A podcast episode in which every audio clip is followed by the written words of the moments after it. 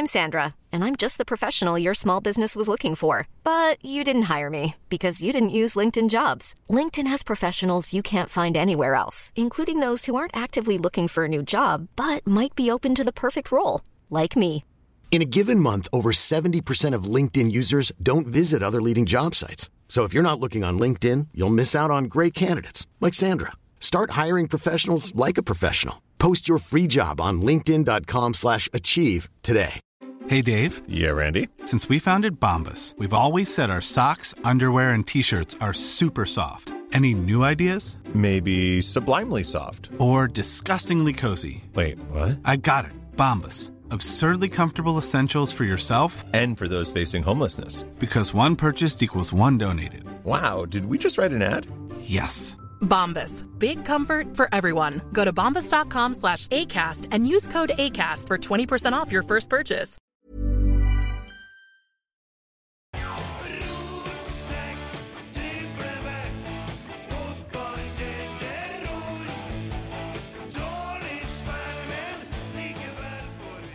Ja, velkommen til en litt spesiell eh, rotsekkepisode. Eh, For at eh, for noen uker siden så fikk jeg med meg at Kjernen hadde invitert til møte på Fyrhuset Esedals pub og kjøkken hos vår gode venn Alexander Skjefte. Og ringte da vår gode venn Bjørn Skar, og nåværende leder i Kjernen. Og sa at vi kan jo godt forlenge det her litt med rotsekk, for det er nå 100 stykker der, men eh, noen flere som hører på. Og så kan vi prøve å formidle litt av det vi fanga i går. Men aller, aller først, ja, velkommen Kenneth Kjelsnes og Arve Gjelseth. Takk, takk. Og velkommen tilbake til deg, da. Jo, takk. Fortsatt Vålerenga-supporter, eller? Ja, det er jeg. Vi må snakke litt om det først, da. Ja, det passer godt i dag, da. Det er Det ikke så ofte det gjør det. men... Nei. eh, Rosenborg har spilt mot Vålerenga. Christer har kommentert kampen. Ja, hei forresten. Hei til deg òg, ja. Det var en nitrist eh, affære, i hvert fall sånn resultatmessig. Det var den første gangen en av de merkeligste fotballomgangene jeg har sett, tror jeg. Sånn måltavla måltavler i henhold til spillets gang. Nei, og så det, det siste der, da, for å si det, det var jo ikke mål. Det, det går ikke an. Det var ingen som skjønte. Det var ikke noen Vålerenga-spillere. Han jubla ikke heller. Det var Jeg trodde det var blæsta til pause. altså, jeg fikk med meg det. Eh, nei, det var ikke mål, men eh, Nei da, det er jo noe av fordelene med VAR, hæ, Arve? Det er det sikkert. Det er vel summen som er negativ. det er nok det. Vi, vi kommer sikkert til å Jeg slipper det i år, jeg, så. Ja, ja Men du, du, du sa at du ikke så kampen Nei, her nå før, og det var jo totalt varfritt, så Ja, men jeg har jo ikke tid til å sitte i arbeidstiden og se på Oi, oi, det er arbeidstid, vet du. Hvordan er det du har stelt deg? Ja, det er et godt spørsmål. Eh, Det er for mye som står på. Ja. Jeg har en eh, 50% av veitungene på besøk. Jeg har bestilt meg sånn billetter til Rush i morgen. Eh, Dæven, det er dyrt! Du trenger ikke bærehjelp eller noe på jobben. At jeg kunne ha fått inn noen kroner ekstra, for nå er jeg blakk. Sier du det? Ja, nei eh, Hold bøkene Det er nedskjæringer på fakultetet, så jeg har ikke så mye driftsmidler heller. Nei, sånn, ja. ja. Det vet Kenneth alt om. Smal, Akkurat. Smalans i nå, vet du. Så det, det går hardt utover Har offentlig sektor. har dere prøvd med teknisk hjerte og en strategiplan? Uh, ja, vi har, vi har strategier, ja. Ja. ja. ja. For, for mange strategier og for lite handling. ja. Det er vel noe som gjenspeiler seg mange plasser, kanskje. Tror det. Men du, Kenneth, du er jo vant til å oppsummere Rosenborg-kamper på to minutter i NRK eh, Trøndelag om morgenen. ja, det er uvant for meg her. For det, det Hvis du kan prøve å oppsummere kampen i dag? Ja, så var det Det var Det er kanskje litt sånn rart å si om en egentlig ubetydelig tegningskamp, da, men det er faktisk noe av det merkeligste jeg har sett likevel. Fordi altså, det var jo 4-1 etter altså, altså, Jeg kom hjem litt for sent, så det var, jeg slo på sånn sju minutter. Og det var akkurat eh, da så jeg at å, det ser ut som det skåra et mål, og da var jo 1-0-målet kommet. Og så, å, herregud, tenkte jeg, og så uh, fortsatte jeg å kikke, da. Ikke sant? Så plutselig ser jeg på klokka, og så sier den sånn 13-14 minutter har gått, og Vålerenga har ikke vært borti ballen i løpet av den tida. Så det var jo veldig positivt på en måte å se den måten vi, vi spilte på, bearbeida på, sånn som jeg har lyst til at Rosenborg skal spille. Da. Og, hvis, og I første omgang så spiller vi oss til store sjanser også. Uh, setter ikke dem, da. Det kan jeg for så vidt uh, le med. Jeg kan egentlig le med ganske mye med denne kampen, jeg, da, fordi at jeg, uh, jeg ser litt eh, Christer sa det her før vi, før vi gikk på også, at uh, sjøl om det gikk sånn, så holder vi oss til planen. Vi fortsetter å spille sånn som vi har tenkt at vi skal spille. Eh, og spør du meg, så er jo litt av det vi har eh, etterspurt i Rosenborg, i hvert fall det som jeg har etterspurt. Eh, at vi skal spille en fotball som vi kan kjenne igjen, at det er en plan som man følger osv. Og det, det ser, jeg, ser jeg i dag. Da. Så jeg har nå fortsatt Det er rart å si det, da, men jeg er fortsatt litt positiv. Da. Jeg syns ikke det er rart å si i det hele tatt. jeg. Er helt enig med deg. Og når vi blir flinke nok, så gir det der resultat. Garantert. Vi drev jo også, vi drev også tulla med at vi satt og spilte fiolin på Titanic her i fjor. og Vi fortsatte å prøve å være positive, og vi begynte å bli bløte på føttene. Men akkurat i dag følte jeg at jeg begynte å få vann inni kassen på instrumentet, så det begynte å bli lite lyd. Ja, men eh, det er jo sånn kjempe hjerneblødninger som gir baklengsmålene. da. Ja. Eh, det første der, det tror jeg nesten aldri har skjedd. Altså. At det er en eh, Jeg har sikkert skjedd det, men det veldig sjelden. Altså. Det 0-1-målet er ganske beskrivende. Det er en corner som blir slått inn. Keeperen går opp og tar ballen i fast grep. Rosenborg-spillerne tror at keeperen har ballen. Så legger han ned ballen for å vise seg at den har vært ute, og det har da keeper og vingen til Vålerenga oppfatta. Legger den på femmeteren, klasker den så langt han klarer, og da er jo han alene med keeperen. Fordi at han starter jo i offside, men det er jo ikke offside på femmeter, ikke sant? Og da har han fem meter på Rosenborg-spillerne. Ja, det så jo ut som. Ulrik Yttergård Jensen sprang med slalåmsko, så det ut som. Så det var, Ja, så ja, han springer jo med dreggen ut. Ja. Nei, Nei. eh, Og så hadde jo det, selvfølgelig så er det jo Rasmus Sandberg da, som kåler Ja, til det ene målet. Eh, og så er jo spørsmålet om det siste var et mål, da. Men, men ikke sant, det her er jo for så vidt litt sånn det er jeg, så jeg klarer ikke å hisse meg opp over at eh, det ble mål, at noe som ikke var mål, på en treningskamp. Mm. Nei, nei. Eh, så jeg velger heller å ta med meg de, de tingene som jeg syns er positive. Da. Det er det er jo utrolig rart.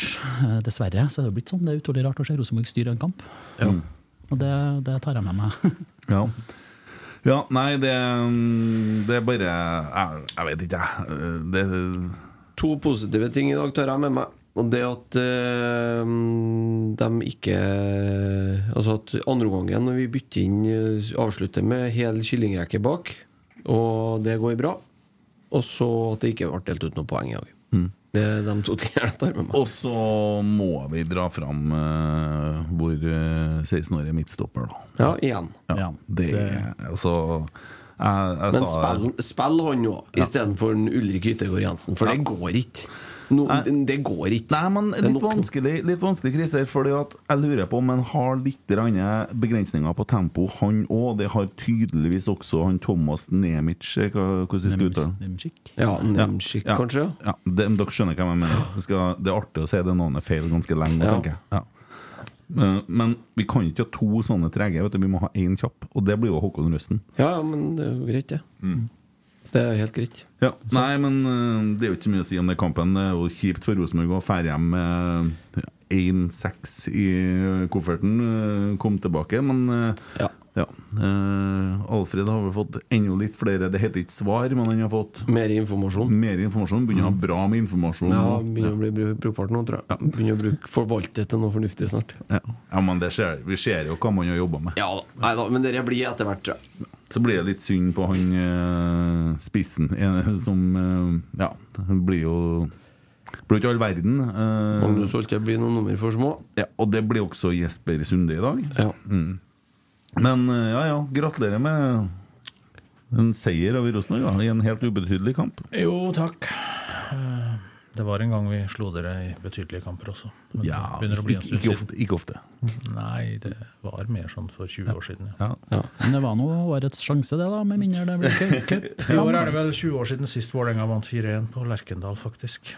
Ja. Den Ola By Riise-sesongen. Du det, ja. Det, ja. Ja. Det var 2004, ja. Ja, det var med han navlen i Kypros, det, vet du. Var han Steffen ganske god. Stefan er relativt god der, ja. fikk ikke med seg det jeg sa nå. Det var han navlen på Kypros, det, vet du. Ja. Kjetil, ja. ja ja. Mm. Hvordan er det når han får sparken sånn? Går de på Nav, trener han nå, tro? Nei, det vet jeg ikke. Hvis det går fem måneder til neste jobb nå, da. Ja. Han må jo ha altså Kypros-pengene kommer ikke likevel. Har ikke peiling. Ar- Arbeidsavklaringspenger, tenker du? det, noe må han jo Ja, nei. Nei, jeg har ikke peiling. Nei, det, De må ha et system, bare. 42 dager er ganske spesielt, da. Ja, øh, Klarte ikke å slå han Kåre heller, gitt. Han hadde vel 45? eller noe sånt? 47. 47, ja. Fem dager unna øra, men sånn er det. Eh, Rekord er rekord, men andre veien. Det er bra. Nei, vi må forflytte oss over til investorprat, da. I går så var jo Du var jo i panelet.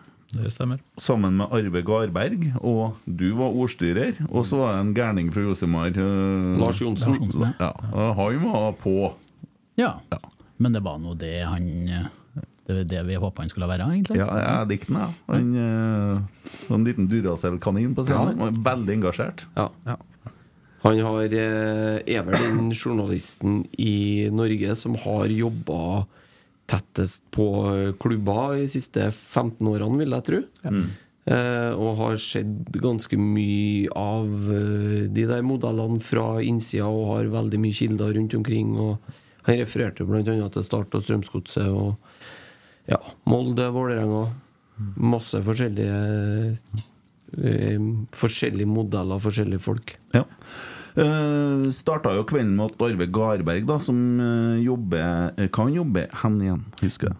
BDO. Ja, Ja. Og, og jobba med forskjellige investormodeller i norsk fotball. Ja, eller det er vel, han er jo først og fremst revisor, da, og så har han flere klubber da, Ja. uh, i den porteføljen, som jeg bruker å kalle det. ikke sant? Så, Ja.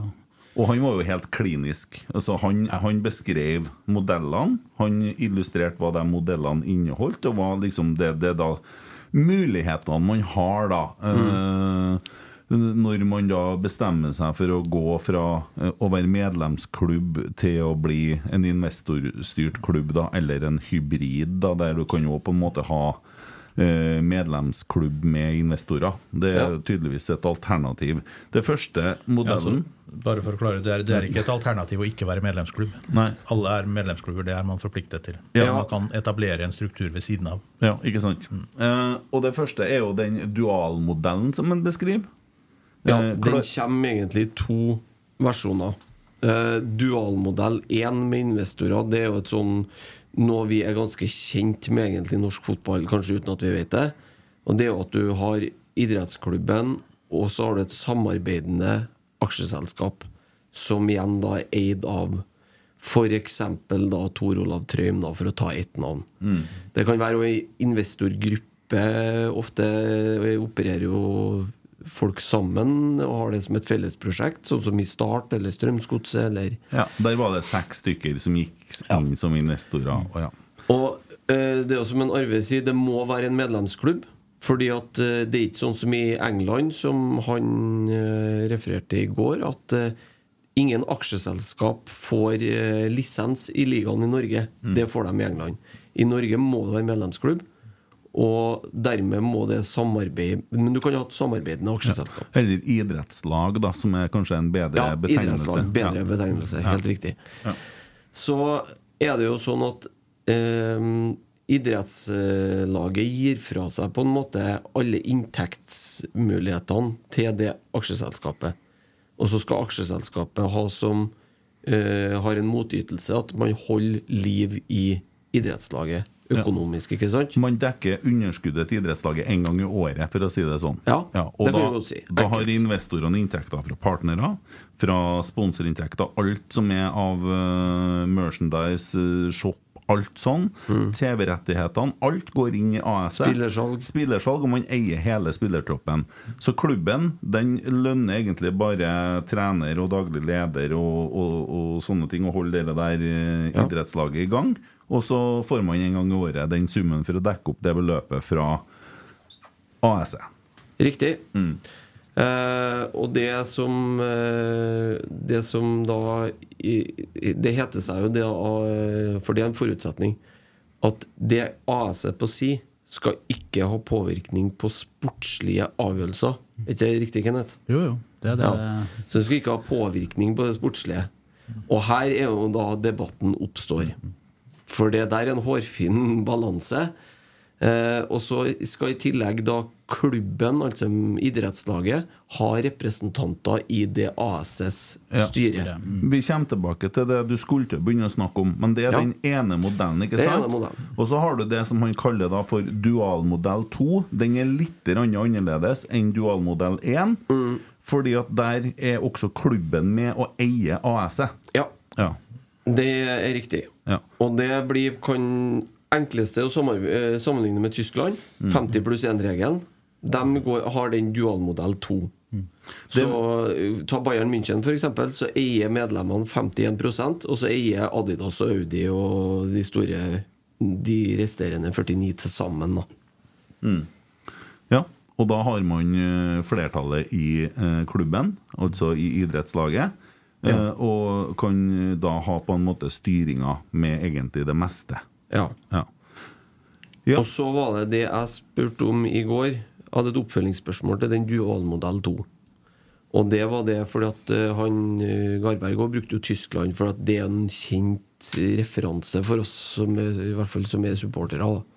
Og som har eh, satt oss fulgt med litt på den der.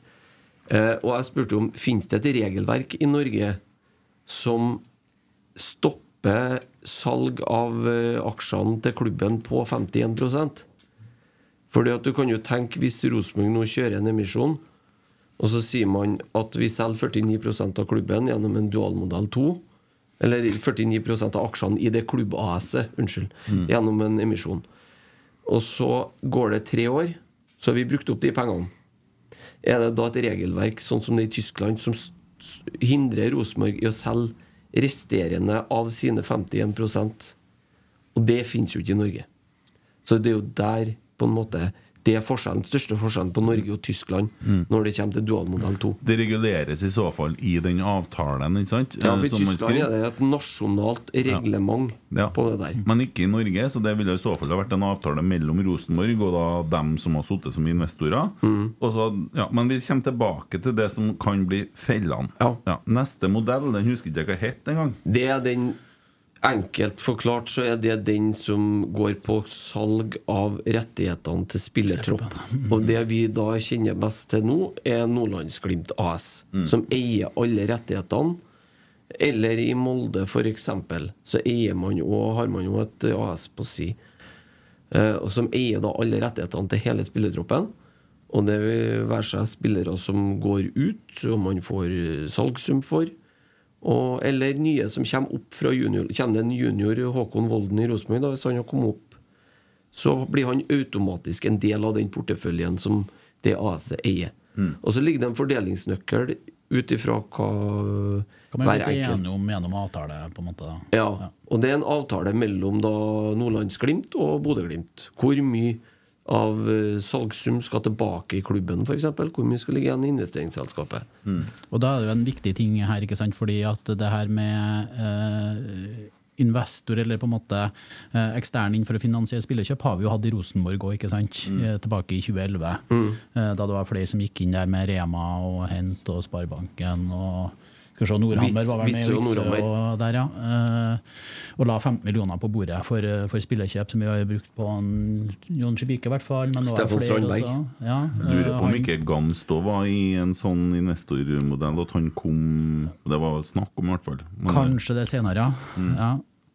Og så han eh, Berntsen, var ikke han med? Daniel Berntsen. Daniel Berntsen. Mulig, det. er- Og i hvert fall han Mohammed Aval Issa, hvis jeg husker. Det er Et godt uh, bekjentskap hadde jo der i kort stund. Ja, han Det tror eh, var var med fornøyd med å bli kvitt den røde stjerne, tror jeg, den gangen. Ja. Det ble ikke noe stor Rosenborg-hit. Men i hvert fall Forskjellen her, er da, ikke sant, det er jo at fra det som du snakker om her, da, det er den Nordlandsglimt-modellen og sånn som det er i dag, for det er jo ikke lenger lov til å ha de eier, altså på spesifikke spillere eller enkeltspillere, ikke sant. Mm. Du må ha eierskap til, til, til spillertroppen mm. som helhet, men det trenger ikke å være hele. Det kan være en andel, hvis Ja, jeg, jeg skjønte det riktig. riktig. Eh, Så det kan være fra 1 til 100% da, 20% eller hvordan er, hvordan er det fordelt det der i Det, fra, det fra, var fra eh, I Nordlandsgym er vi vel i 100% sånn som jeg har forstått det. da. Nå har ikke jeg sett det interne Nei, men avtalen ikke sant, Det kan kan være det, men det betyr at det, du må klare å skille det at det er ikke enkeltspillere, men det er på en måte Hvis du eier 40 da, ikke sant, av den, Mm. det, det investorselskapet, så eier du liksom 40% i Volden og 40 i altså 40 i, i, i alle spillerne. da, Ja, i det er riktig. Mm. Ja. ja, og det var vel egentlig den siste modellen han eh, skisserte, var ikke det? Ja, du har jo den siste, da. Som, ja. AS med, Ja, Altså AS-modellen. AS-modellen. Som ikke den er ikke lov. lov. Det er ikke lov i Norge, men da blir klubben et AS, og i ytterste konsekvens børsnotert, egentlig. I England blir vel det. Det der ble jo Men det der, hvis de skal få gjennom det, så krever det et eh, lovendring, altså et vedtak for å endre NIFs lovverk. Ikke bare fotballens Ja, lovverk, men ikke NIFs noe, lovverk. det er ikke noe fotballforbundet kan bestemme på egen hånd. De prøvde jo. Ja, eh, Kom det fram i går. Ja, det er, eh, det er tinget i Norges idrettsforbund som er annethvert år, som må vedta det. Ja. Ja. Og det, det er nok mange krefter i fotballen som jobber for å løse opp den nåværende modellen, men eh, jeg tipper det er relativt langt frem. Ja, det tror jeg òg. Det hørtes litt sånn ut på en eh, Garberg i går at det var et stykke fram dit. Men det er jo mest det som er enklest for folk å knytte den AS-modellen til, det er England. For det er noe folk kjenner igjen. Men per nå så er det en uaktuell modell i norsk eh, toppfotball, for den er ikke lov. Eh, og så hadde vi, kom det jo på bordet, det ble jo sagt i Rasmus og Saga eh, av Tore Berdal, at Molde har nå blitt en stiftelse der ingen har muligheten til å ta noe ut. Uh, og det ble jo til slutt egentlig funnet ut at det er en ganske tungvint måte å gjøre det på, for da har de jo bare endt tilbake til å bare være en klubb uh, som Ja, det, det som er en sånn annet navn på det. Det Ja, sånn det er jo vel egentlig for å ha litt ekstra byråkrati, men samtidig holde kontroll, vil jeg tro. Ja, Så kan jo han bare øse penger inn i stiftelsen, og så Ja. ja. Men de driver ganske bra i Molde nå, i forhold til spillersalg og kjøp og Europa og sånne ting. Jeg tror de klarer seg uten støtte og sånn for tida. Ja, jeg vil jo tro det, men eh, jeg har ikke helt oversikt. jeg. Men i utgangspunktet så har de jo drevet ganske bra på logistikksida de siste ti årene. Ja da.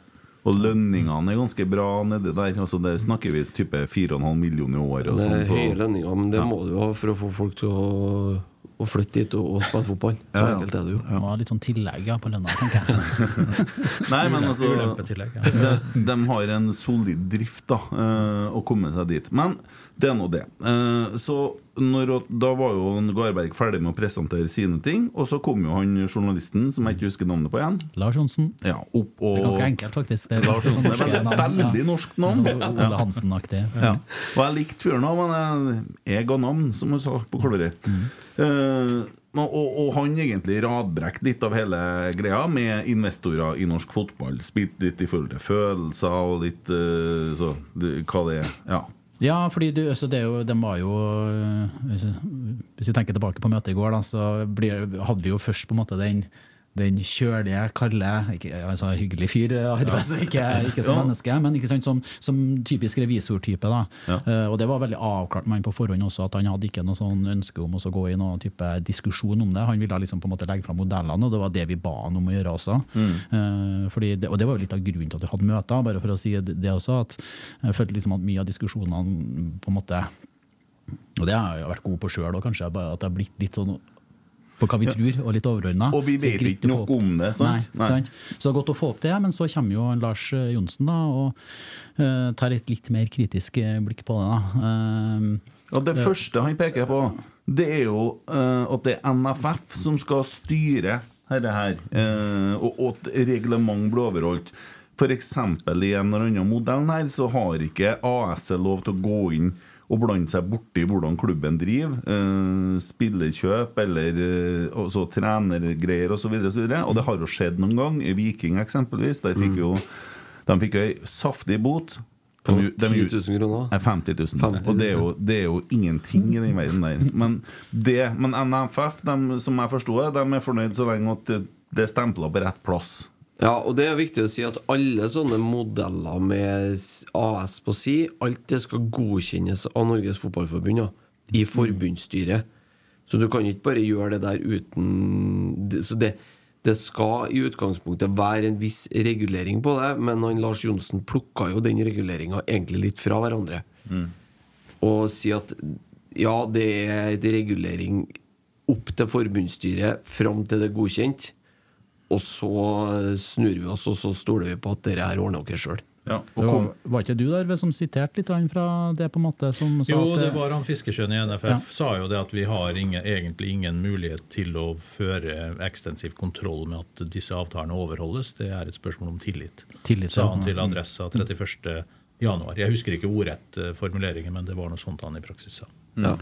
Ja, og jeg er for så vidt er veldig opptatt av tillit, jeg, og at vi skal ha det til hverandre, men jeg vet ikke om det er nok da, i, den, eh, i den sammenhengen her. Og det prøvde jeg altså å utfordre en uh, Arve Garberg litt på også, da, som revisoren. ikke sant, om Skulle vi kanskje hatt litt mer revisjon av det her, da? Eh, når vi først har ordna oss med et sånt et, eh, opplegg som det her, så kanskje vi skal legge inn litt krefter på det, men det, det gjør jo ikke, gjør jo ikke NFF, da.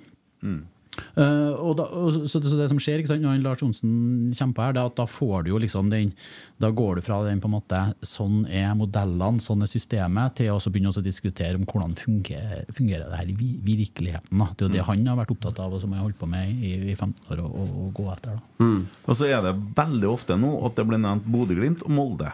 Det blir eksemplene. Og det er jo de to lagene som lykkes med de her modellene. Men det er jo masse flere lag som har forskjellige eh, AS-modeller, og, og sånn som investormodeller. Og spørsmålet dukker alltid opp når vi er der vi er, altså blakk. Men kan jeg bare få si én ting, og så få klarert det med en gang nå?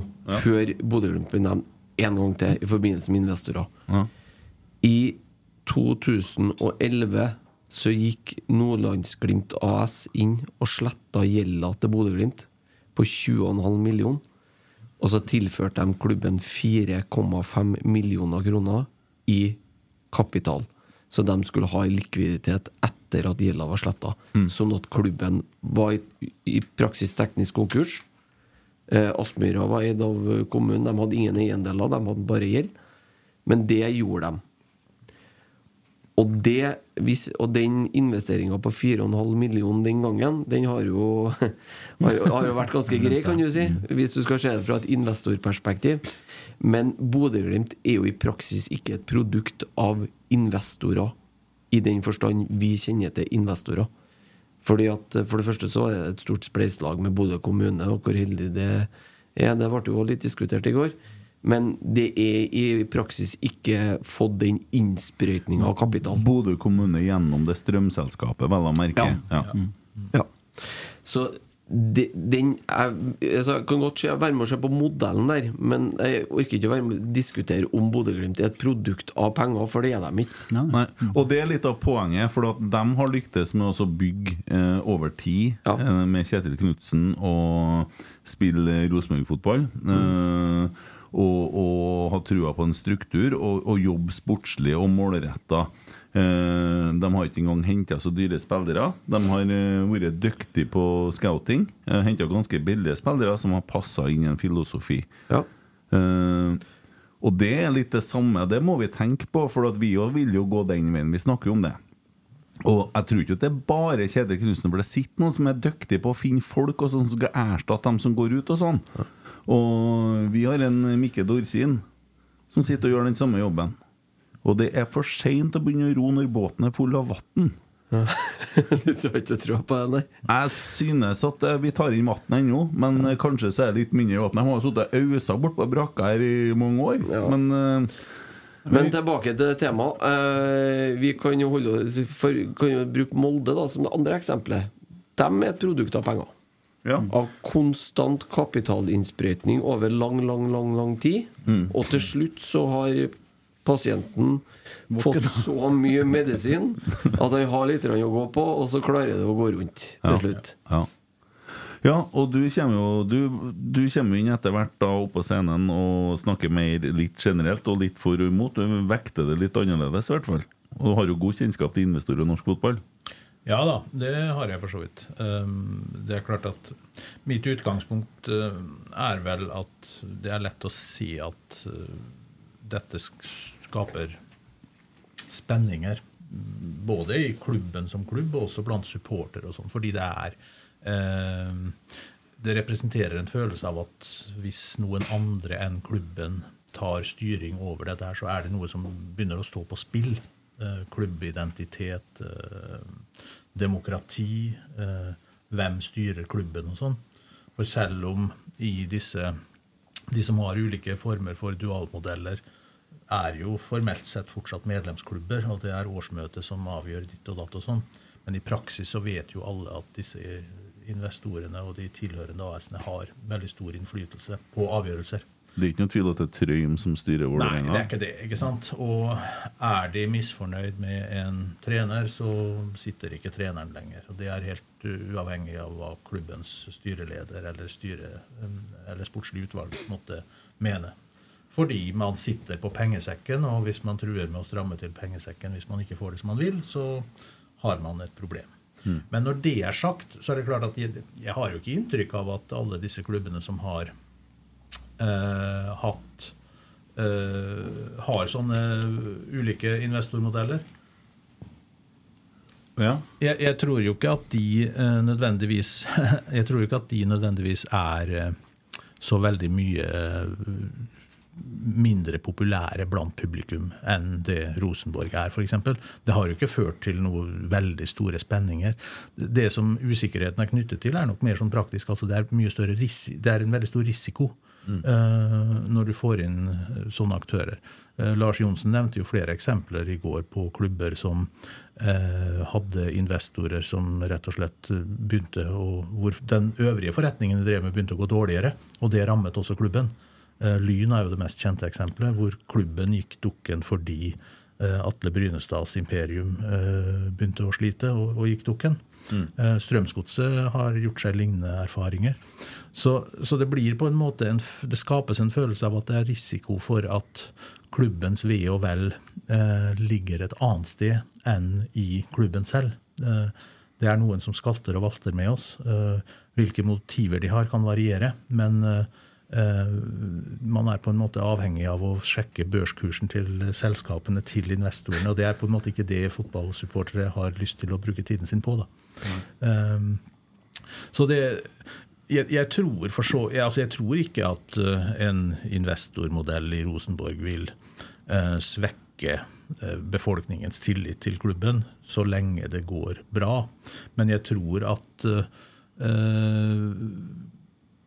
hvis det oppfattes sånn at eh, investorene i praksis har betydelig sportslig makt, så vil det skape gnisninger. Både i eh, klubben, altså de som er medlemmer, og blant eh, supportere. og sånn. Det, det tror jeg. Og så er det den sportslige risikoen som også er der. Man kan jo kanskje forstå at noen Rosenborg-supportere er litt redde òg, for vi vet jo om noen rundt oss her som har fryktelig mye penger, og som er veldig glad i Rosenborg. Eh, som har jo vært styreleder i klubben og kommet med forslag om to murer og sånne ting. Jeg vet ikke om Hvis investoren begynner Har du tenkt på å sette opp to murer? Ja. Det gjentar både Kåre og Per Joar. Sette opp to mur på frispark imot, ja. Ja, altså, og det er jo der man frykter den innblandinga, og som, som vi forstår, så er jo ikke det til å unngå. Men Nei, men det, De problemstillingene er jo det samme også i en medlemsklubb. Hvis uh, man har en styreleder som uh, har mye makt, men kanskje litt begrenset innsikt i fotball, så i så fall er jo problemet akkurat det samme. ja, eller Snakkes, som det var en som skrev til Kåre Ingebrigtsen en gang i Ja. 2018. Møtes. Ja, møtes. Eller at du har en sponsor som sier at hvis ikke dere gjør dette her på årsmøtet, så trekker vi oss. Men det, det, og det er ganske alvorlig at en sponsor sier at vi forlanger at dere eh, gjør sånn eller sånn. Hvis ikke så tar vi ut midlene fra hvor- altså Det å utøve et press overfor et demokrati for at du skal få et valgresultat på en eller annen retning. Ja, det, sponsorpenger kommer gjerne med Ikke med veldig tydelige krav, men, men for en sponsor så er det jo viktig å kommunisere bestemte verdier. Det er derfor de eh, støtter klubben. Altså Sponsorer er jo ikke eh, Noen er jo snille, men, men det er jo branding som er det vesentlige. Og hvis de da assosieres med verdier som de ikke eh, oppdager at eh, er de oppfatter som problematiske i, blant, i markedet f.eks., så vil de si fra. Og det, det er det samme. Sponsorer er jo ikke investorer i den forstand, men fotballen har nå tatt steget ut i denne kommersielle virke virkeligheten, og da eh, må man eh, forholde seg til at sånn er verden.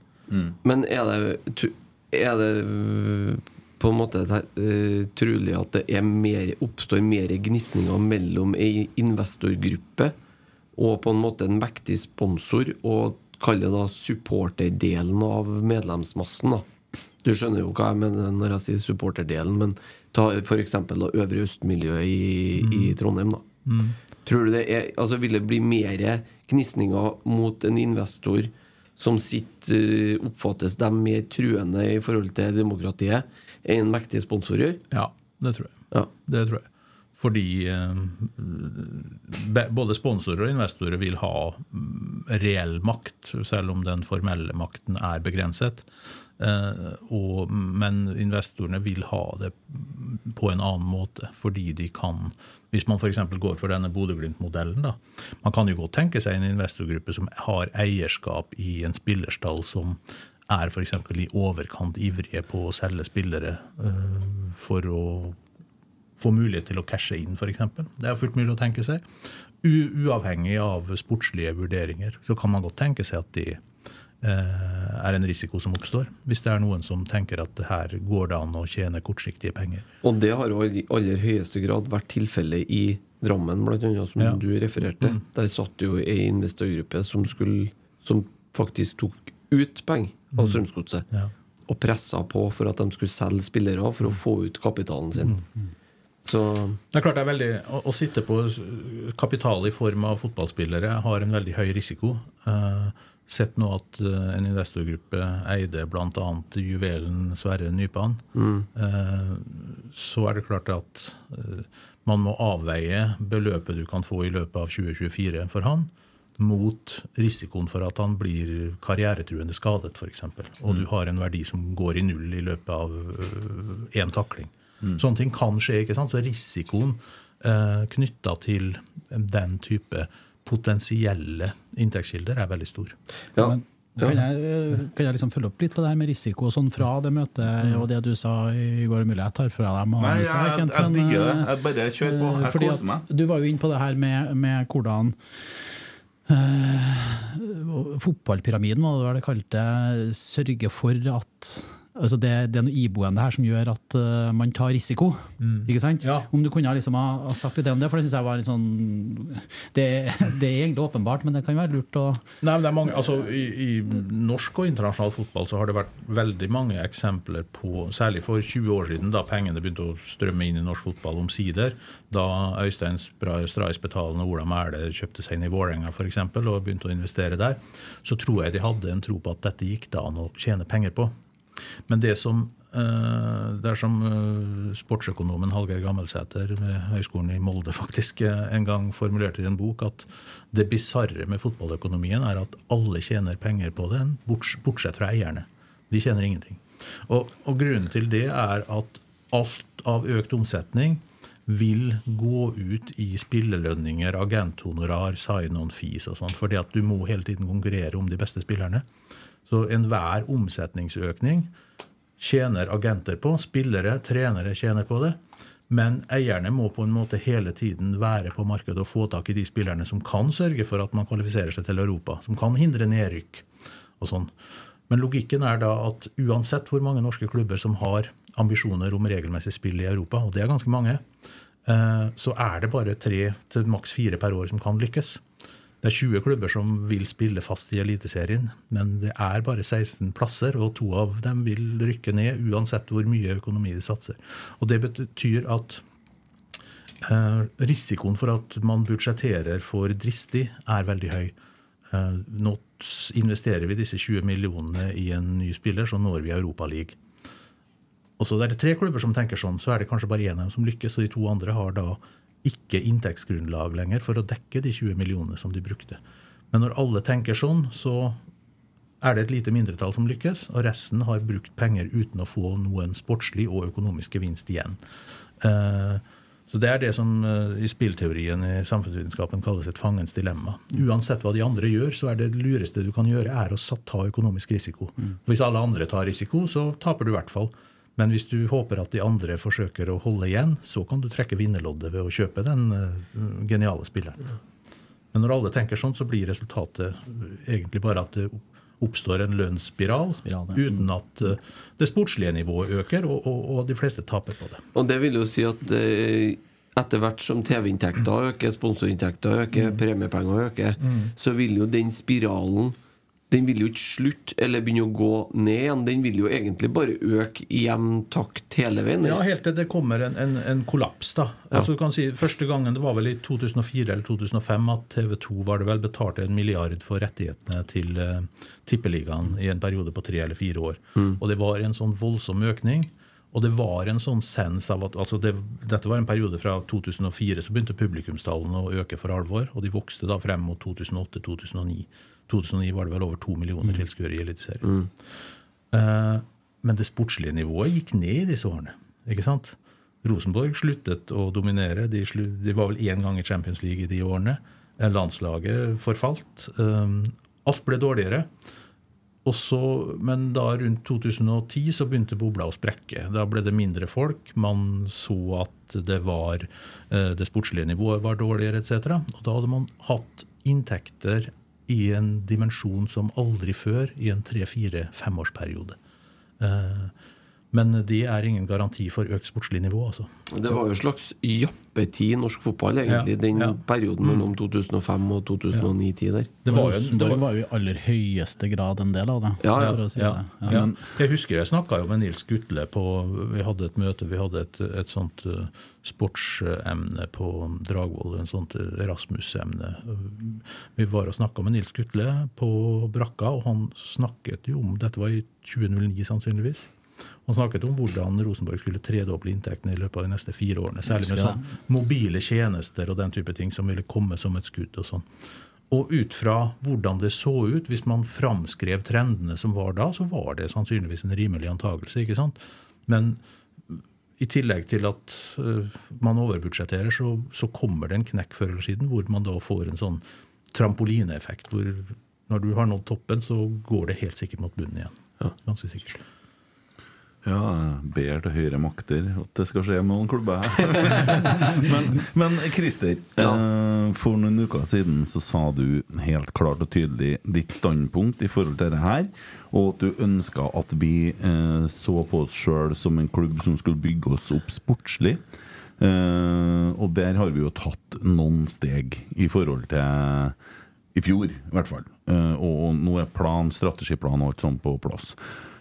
Men vi er jo også veldig prisgitt ikke bare en Alfred og dem som er på feltet, men dem som sitter og styrer på brakka, og som skal forvalte spillere ut og inn, for det skal tross alt gi oss Det gir oss mer penger enn det som skjer med antall folk på Lerkendal, f.eks.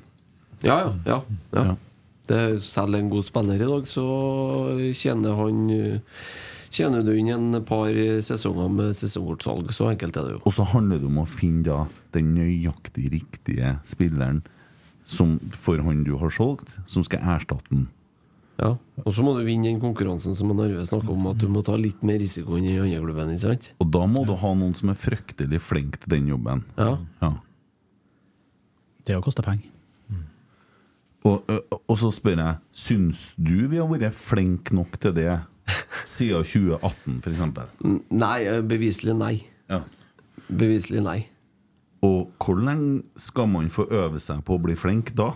Eh, det vet ikke jeg, men eh, jeg tror ikke jeg skal gi noe fasitsvar fra min side på det, i hvert fall. Men jeg håper jo at det som Rosenborg eh, har gjort på veien nå dit vi er i dag, med en klar retning og litt, litt klarere rolle og rolleforståelse, kanskje, at man nå har litt mer avgrensa og ansvarsområder osv. At det, kan være med å bidra. Og at eh, eh, nå vet på en måte alle sammen hva en venstreback skal gjøre, hva en høyreving skal gjøre, hva, en, hva skal kvaliteten til en uh, midtstopper være, f.eks. Uh, Ut ifra fysiske, psykiske parameter. og så videre, og så videre, og så videre. Eh, og nå er det vel ikke noe tvil om at eh, Mikael Dorsin er øverste sportslige sjef i Rosenborg. Mm. Og tenker jeg jo det at han må jo få lov å prøve å jobbe litt under de rammene òg, før man eh, Ja. feller noe dom, i hvert fall. Nå er det i hvert fall ikke mulig å peke på noe rundt seg. Nei, nei, nei. nei. Så Mikke er øverste sjef nå, ingen tvil. ja. Det, det er ditt inntrykk òg? Hva da? At- Han er jo øverste sportslig, Ja, ja. sportslig leder, sportsdirektør nå. Burde ha bytta til direktør igjen, eller? ja, Vi begynner å kalle sportsdirektør, for det det rette ordet. Sportsformann. Ja. Jeg bare lurer på hvor du egentlig ville, liksom, Kent. Fordi eh, Er poenget ditt at siden vi har vært ganske dårlige på å spille fotball siden 2018, så skal vi hente inn penger? Er Litt der du er på vei, på en måte? Nei, jeg føler at vi altså, Er det noe som koster penger i fotball, så er det dårlige spillerkjøp eller skada spillere. Eh, jeg synes at vi eh, i de siste fire årene har vært ekstremt dårlige. Vi har solgt oss så ned at det er ubegripelig. Eh, grunnen til at vi ikke sitter sikkert og investorstyrt nå, eh, det er jo faktisk at Kjetil de ha henta Kasper Tengstedt. Hvis ikke så hadde det vært minus 70 millioner, Ja. og ikke pluss 20. Eh, og, så, og da var det et kjempeproblem. Eh, Absolutt. og, og ja, altså det var jo selvsagt Dorsin. Og, og, og så, han var jo med i det gjengen der, han, og det er litt uvisst hvem som styrer. og sånne ting Men jeg synes at det altså når vi kunne dra opp Vi kunne ha satt oss et- liste over sånn Pavle Wagert-folk som er henta. Ja, ja. så er det mye rar handling. Og da blir argumentet mitt Er det da noe hensikt å hente ekstern kapital og dytte mer penger inn i noe som åpenbart ikke virker? Ja. Og som ikke gjør at du blir bedre, for du blir jo faktisk ikke bedre til å spille fotball av å ha masse penger på bankkontoen. Nei, det, det er jo akkurat det. Og for å dra det tilbake til poenget ditt med Bodø-Glimt, da.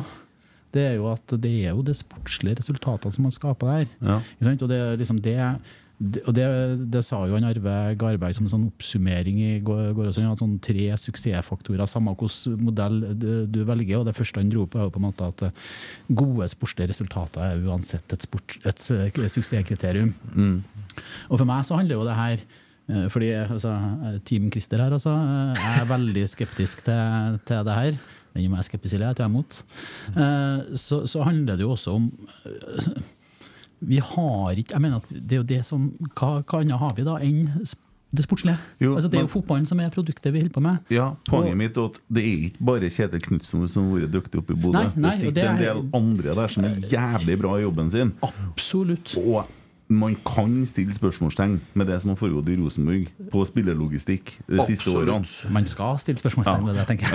Ja, det syns jeg man skal gjøre. Mm. Uh, og så er jeg i hvert fall sikker på at hvis det hadde sittet en inn- Så jeg skal si om jeg er forhold mot investorer etter hvert, jeg òg. For jeg danna meg opp en ganske klar melding i går. Ja. Mening om det i går. Men hvis det hadde sittet en investor på Lerkendal siden 2018, så hadde han faen ikke sittet og sett på det som har skjedd der. Også. Så lenge, da tror jeg også, Men da, han styrer jo egentlig ingenting. Men jeg tror Nei, det har blitt noen møter på gangen da. Hæ? Det hadde nok det. Mm. Ja. Ja, men jeg syns jo det er All den tid vi hadde en såpass uh, mektig styreleder, i den grad vi kan kalle det det, da Altså i hvert fall handlekraftig styreleder i stund, så var det jo litt merkelig at eh, f.eks. han ikke tok tak i det. Det ville jo vært en typisk ting for han å gjort. Ja, hvis er jo definitivt handlekraftig på å ta bort eh, På å fjerne folk. Som ikke, ja, Ja, ja, ja. absolutt. Ja, nei, jeg stiller bare noen spørsmålstegn, fordi at jeg tenker at eh, jeg eh, Ja. Men kan du ta ferdig det som du hadde om suksessfaktorene? For det var tre, du kom til én. Ja. Det var sport, gode sportslige resultat. For alt er på en måte avhengig av ei smøring her, for at det ikke skal begynne å gnisse i tannhjulene. Ja, altså det, og da er vi jo tilbake til, til det her med Som vi kanskje snakka om i stad. For det ene er med åpenhet. Altså At det skal være godt kjent hva avtalene og hva som foregår og, og sånne ting er. da. Fordi, fordi det er jo noe med medlemsdemokratiet i- som vi har i Rosenborg, det er jo at du har gode mekanismer for åpenhet. ikke sant? Med kontrollkomiteer og medlemsmøter. Og, og de er til stille til ansvar og, osv. så videre. Så at vi må ha det der òg. Og så har vi erfart at åpenhet er lettere når du lykkes. enn når det går andre veien. Da er det veldig mye vanskeligere med åpenhet. Abs absolutt, men, mm. men jeg tror kanskje at han eh, da, da snakker vi kanskje mer om den åpenheten som vi vil at Rosenborg skal være betjent av som klubb som helhet. Da, men jeg tror han kanskje sikta mer til det mer sånn avtalemessige Ja, og så videre, ja, da. jeg skjønner, jeg skjønner. Eh, Og det er jo der, og det er jo der Lars Johnsen kommer inn da, og påpeker at i virkeligheten så er det ikke sånne her åpne ting. sant, Makt utøves jo veldig ofte på bakrommet og så, og så videre. Da. Så, Hva, hva, kan bare stoppe litt. Hva er dine erfaringer med det? Altså i, for, Hvis du ser på Rosenborg, som, en- som nå er en vanlig medlemsklubb, eh, har du noen erfaringer med, eller har du sett på eh, åpenhet i den type klubb kontra investorstyrte klubb eller heleide klubber, eller? Nei, egentlig ikke. Eh, Jeg tror at det som han Garberg sikter til, handler, som Kenneth sier, mest om Altså åpenheten skal ligge primært i hvordan klubben faktisk driftes, hva som er nettverksforbindelsene mellom ASC og klubben etc. Og at det på en måte eh, Beslutningsstrukturene skal være transparente, som man sier. Ja. Ikke sant? Um, jeg tror at det finnes ganske mange medlemsklubber som i praksis ikke er så veldig åpne. Eh, Jeg, jeg tror kanskje ikke det ligger så mye der, egentlig. Det er selve forbindelseslinjene mellom investorgruppene og klubben som, eh, som er den vesentlige problemstillingen her. Det er jo mange som sier at Rosenborg ble en mindre åpen klubb i årene etter ca. 2005 f.eks.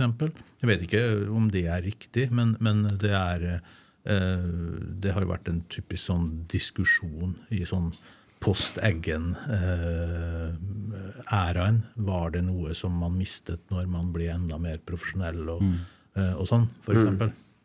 Um, men eh, Rosenborg har jeg alltid oppfattet som en veldig åpen klubb i, på den måten. Og det tror Om man nå fikk inn en investorgruppe, så, så er jeg ikke så sikker på at klubben som sådan ville endret karakter så veldig mye. Men for koblingene mellom et eventuelt AS for eksempel, og klubben, eh, hvor mye åpenhet det ville være på det, ville være et annet spørsmål enn hvorvidt det fortsatt var mulig å stikke innom brakka når som helst. Ja. Og da var punkt tre. Formalitetene, ha dem i orden. Ja. Det blir jo litt som du sa om Ja. Men, det, men det er noe med det er formalitetene. Men det er, det er det som Lars Johnsen snakker om, å sette stempel på riktig sted Yes. i dokumentet. Da er formalitetene i, i orden, og så vet man ikke nødvendigvis hvor mye hva som egentlig foregår. Og han har eksemplifisert vel det med Jim Solbakkens, Ja. mm. som jo setter Ja, det var en nett lita linje som han dro der. Med, da var var agent en hel sommer, og så når han skulle selges, så var han plutselig klubbens agent isteden.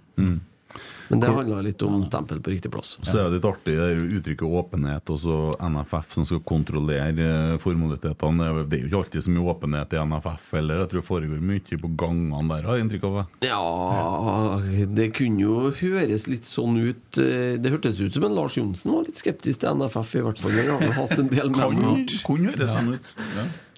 Det, det, der er det store spenninger Ja. mellom Josimar og NFF. Det, det kan jeg bekrefte.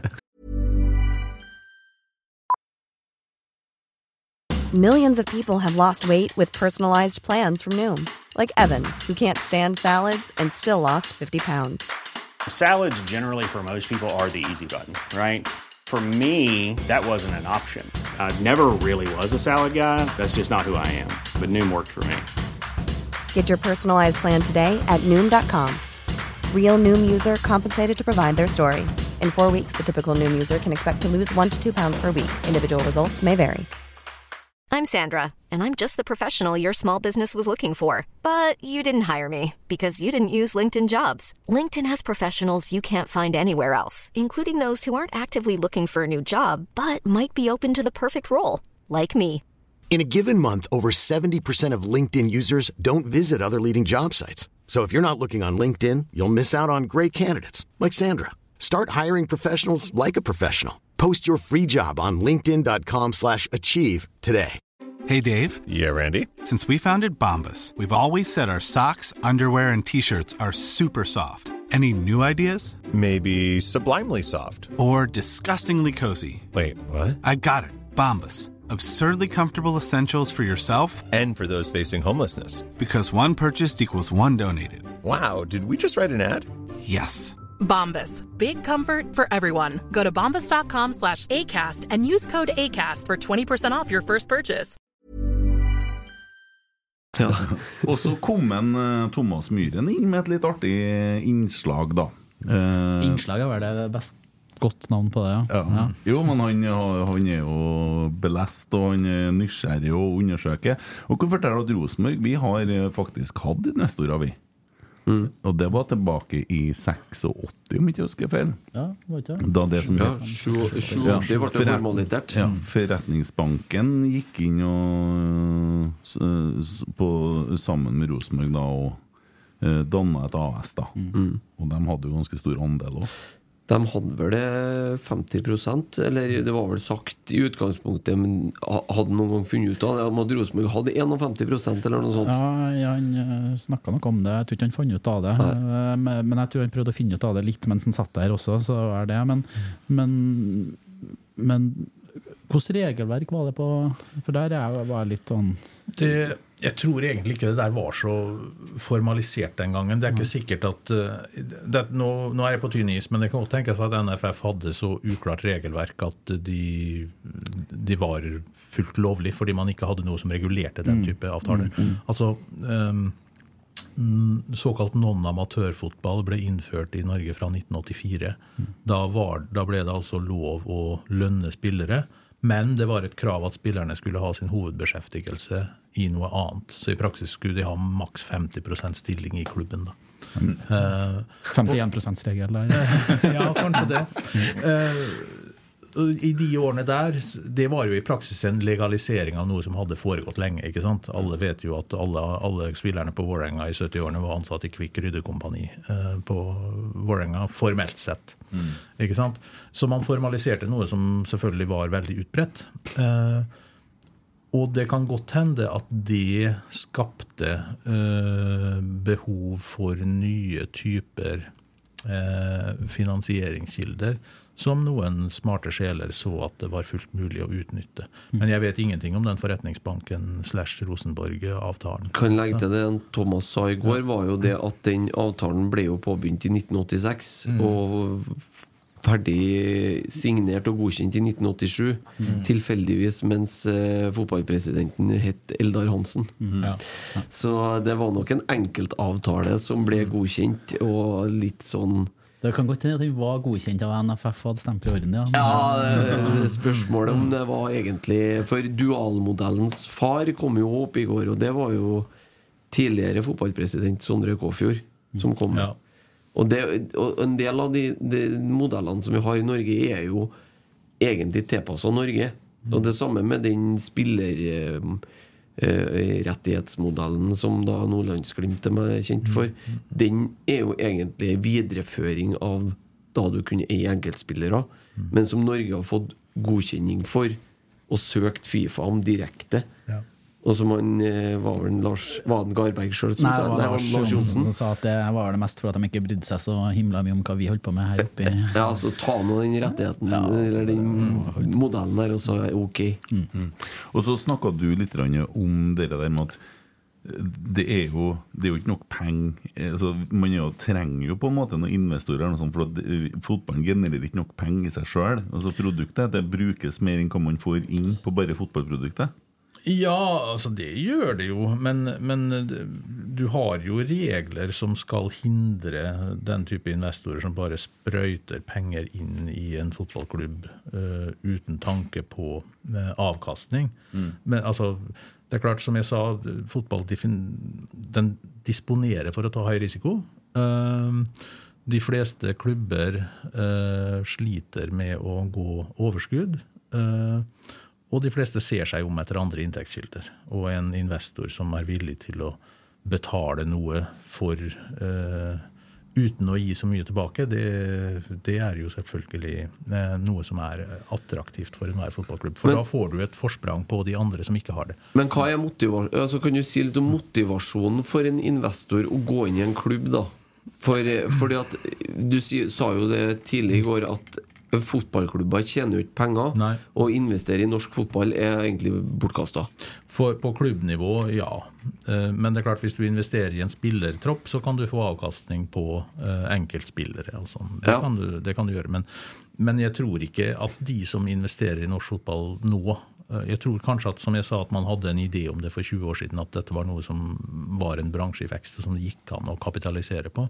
Det tror jeg veldig få innbiller seg i dag. Jeg tror at de er opptatt av eh, å um, ja, goodwill, skape seg et navn, eh, bli synlig som eh, eh, givere til formål som betyr mye for lokalbefolkningen i en by, f.eks. Det er et, en type motiv.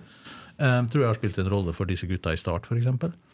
Eh, og så har du rett og slett å støtte lokalsamfunnet, et sted den rikingen har en eller annen form for tilhørighet til. Åpenbart hatt betydning for Kjell Inge Røkke og Bjørn Rune Gjelsten. Um, eh, de er kanskje de to mest sånn typiske, i tillegg til da at noen sikkert fortsatt tror de skal tjene penger. Men det er jo så, altså hvis du ser på eh, internasjonalt eh, Det er veldig stor forskjell på Roman Abramovic og disse arabiske landene på den ene siden, og f.eks. Malcolm Glazer i Manchester United på den andre siden. Abramovic og araberne de sprøyter penger inn i klubben uten tanke på hva det koster. ikke sant? For de, har, eh, de er filty rich eh, uansett, så det bryr de seg ikke om. De vil bruke penger på å skape sportslige resultater. Og vil noen si sportsvasking og den type ting. ikke sant? Mens Malcolm Glazer han har jo rett og slett sugd penger ut av Manchester United. Eh, han eh, solgte Cristiano Ronaldo og kjøpte Antonio Valencia som erstatning. Altså, det, det er på en måte eh, Sportslig har det naturligvis over tid gått nedover, i hvert fall når de mista eh, geniet Ferguson. Eh, men han tjener jo for så vidt penger. Det kan godt hende at United har vært en lur investering for han, men de har i hvert fall ramma klubben eh, ganske hardt. Hva vil du si det andre laget i Manchester heter? Uh, araberlaget? Ja. Eh, det kalles Manchester City Ja, jeg hørte du sa det, jeg hørte du sa det en del ganger i går, så jeg ville bare høre deg si det her. Oh, ja, ja, ja. Holder du med dem, eller? Nei, nei, nei. Eh, Jeg, har ikke noe sånn forhold til andre klubber enn den klubben som er rett borti her. Eh, I det hele tatt. Uh, Litt FK Fosen, selvsagt. Det er viktig. Ja, ja, ja, ja.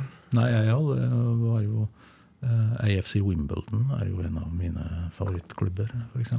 Var ikke der de Røkke og Gjelstad var rasert der òg? Jo, de raserte Ja. Wimbledon, og så flytta de klubben. Og så starta AFC Wimbledon opp som et sånt lokalsamfunnsprosjekt i Wimbledon. eh, på, helt fra scratch, og nå er de vel eh, i samme divisjon som MK Dons, tror jeg. League One, vel? Nei, de er i league two. Er de var oppe i de rykka ned for to år siden. Ja, uh, ja. Mm. Der ser du hvor mye jeg følger med. Ja. Men uh, nå er jo laget ditt dem som kanskje ligger mest laglig til for sånne arabersjeiker og sånne ting. Og det er jo hovedstadslagene de tar. Så noen lag når Trøim orker ikke mer, så kommer det en sånn og Utenlandsk investorer i norsk fotball, da skal du være Da skal du ha spesielle interesser, altså. det, var, det er jo ikke så lenge siden det var snakk om det i Start. Start. Amerikanske. Ja, det kan Altså Da får du ikke de mektigste og rikeste, i hvert fall. For de vil helst se seg om etter noe annet. Kommer en sjeik som har Ja. jævlig lyst til å stå slalåm, ikke sant? Ja. Jo, jo, kanskje. Det, det handler mer om å altså, Det må være en Champions League-klubb for at de aller Mm. mektigste skal være interessert. Jo da. Går an, går an å håpe at Bodø-Glimt kommer til Champions League, sikkert? Nei. Blir tatt over av Ikke noe, ikke noe i meg som håper at de kommer seg noen plass, egentlig. På noe som helst måte. Eventuelt at Røkheim kjøper det laget og flytter til noe annet. Det er lenger nord. Andøya. Ja. Flytter til Veldig interessant hvordan Bodø-Glimt nå er blitt nå, har, nå er de så gode at de begynner å bli upopulære. Ja, ja, men det må være sånn, det. Ja, det må det. Men, men altså, jeg skrev faktisk en artikkel. Jeg har, jeg har mange kompiser som holder med Bodø-Glimt. som, eh, Og var en som jeg fikk meg til å skrive en artikkel om Glimt for ca. 16-17 år siden. eh, Som ble publisert på Glimt sin nettside. Og han ene som holdt med om da, For det var ikke så mange. Han holdt på med dem da, ja. Han har holdt med dem siden han Ja, slutta. Ja, for de fleste han kom i Ja, ja, 2020. Ja, ja. Nei da, øh, og øh, for det som slo meg når jeg ser litt på Glimt, det var at den gang så var jo Glimt klubben som alltid sendte de beste spillerne til Rosenborg. ikke sant? Eh, Så, jeg kalte, dem, øh, kalte artikkelen for 'Den snilleste gutten i klassen'. At Problemet til Glimt var at det var ingen som brød seg noe særlig om dem. Det er mye bedre at noen hater deg. F.eks. Molde var overfor Rosenborg i en mye gunstigere posisjon enn Glimt var. Fordi eh, Molde hadde du en mening om. Glimt var det ingen som brød seg om. Nesten som Odd i dag. Ingen som bryr seg om Odd. ikke sant? Det er, det er, eh, men nå når de endelig har lykkes sportslig, så begynner også nå er det enhver sutring fra Kjetil Knutsen i mediene. Da kaster de seg over ham for en dustete sutreklubb. Gikk videre i cupen fordi Ålesund ikke spilte, eller hva det var for noe. sånn. Ja, ja. Eh, Men det er suksess som skal til for å bli upopulær. Det er interessant. Mm. Ja. Men uh, ut fra den infoen vi fikk, har fått det siste døgnet Ja. uh, Hvis det kommer en snill og god gubbe med stor pengebok nå, Vi og som vil bli populær i lokalsamfunnet og kjøpe seg goodwill og bare har gode hensikter og lover å ikke ta ut laget, Ja. eller sende tekstmeldingene ned til trenerbenken Ja. Eh, Investorer i Rosenborg, ja eller nei? Kenneth? Altså det Det jeg er blitt god på da gjennom å være talsperson for kjernen, og sånne ting, da, det er jo også ikke godta premisset i spørsmålsstillinga. Jeg godtar ikke premisset ditt der, da. Nei. Fint. Det er bra. Ja, sjekk om det var det, som det, det, det, det er poenget. Eh, så eh, altså for, for meg så handler det jo liksom om akkurat det her med sportslige det sportslige fundamenter. Det, det, det er jo det som er hele, hele produktet her. Og jeg, jeg føler av og til i den diskusjonen i Rosenborg også, så glemmer vi at hele grunnen til at vi er her og er i en posisjon til å diskutere det i dag, og at Rosenborg har den historien vi har, som er ingen kan slå oss på ennå, ikke sant? Det er utelukkende pga. at vi var utrolig gode på å spille fotball. Det var den eneste grunnen. Penger var ikke faktor i det hele tatt. Eh, Og så begynte vi til slutt å tjene skittent mye penger. Men det var fordi at vi kvalifiserte oss til spill i Europa, der hvor de, de store, store pengene var. Eh, Det, det er for min del i hvert fall noe som jeg bygger enormt mye stolthet på mm. som, som, som Rosenborg-supporter. Og derfor så er det også for meg egentlig Det er det eneste vi har på en måte som er trygt eh, å, å, å- bygge på. Og det er derfor jeg er så opptatt av også eh, at vi og, egentlig veldig glad nå, da, uh, og så se at man for første gang etter at, eh, etter at Nils Arne Eggen slutta å trene Rosenborg, at vi på en måte har, har sett at det er det vi For det, jeg opplever at denne strategien som, som Rosenborg nå har, uh, har uh, utarbeida Vi har jo ikke fått lest den ennå, dessverre. Det gleder jeg meg for så vidt eh, til å, til å kunne gjøre også. Det, altså det, grunnlaget for den er at vi er nødt til å få en basis av et grunnlag av sportslige resultater. At det, det er sportslige resultater som skal gi oss penger, og ikke motsatt vei. Mm. Uh, Fan, jeg liker deg, altså. ja, takk. Ja, Eh, Vær formulert og så jeg er spent på standpunktet ditt nå eh, til, Ja. til, til slutt her. Men det er i hvert fall Det er mulig at det blir Og, og, og jeg Ja, kanskje er jeg en romantiker, da, men, men det det er den spiralen da, som på en måte vi, vi, vi ser at, at det her er, i hvert fall hvis vi ser, altså, ser internasjonalt, da, den begynner jeg å føle et ganske stort sånn ubehag ved. ikke sant? Uh, og den, den har jeg på en måte ikke eh, lyst til å være, være med på.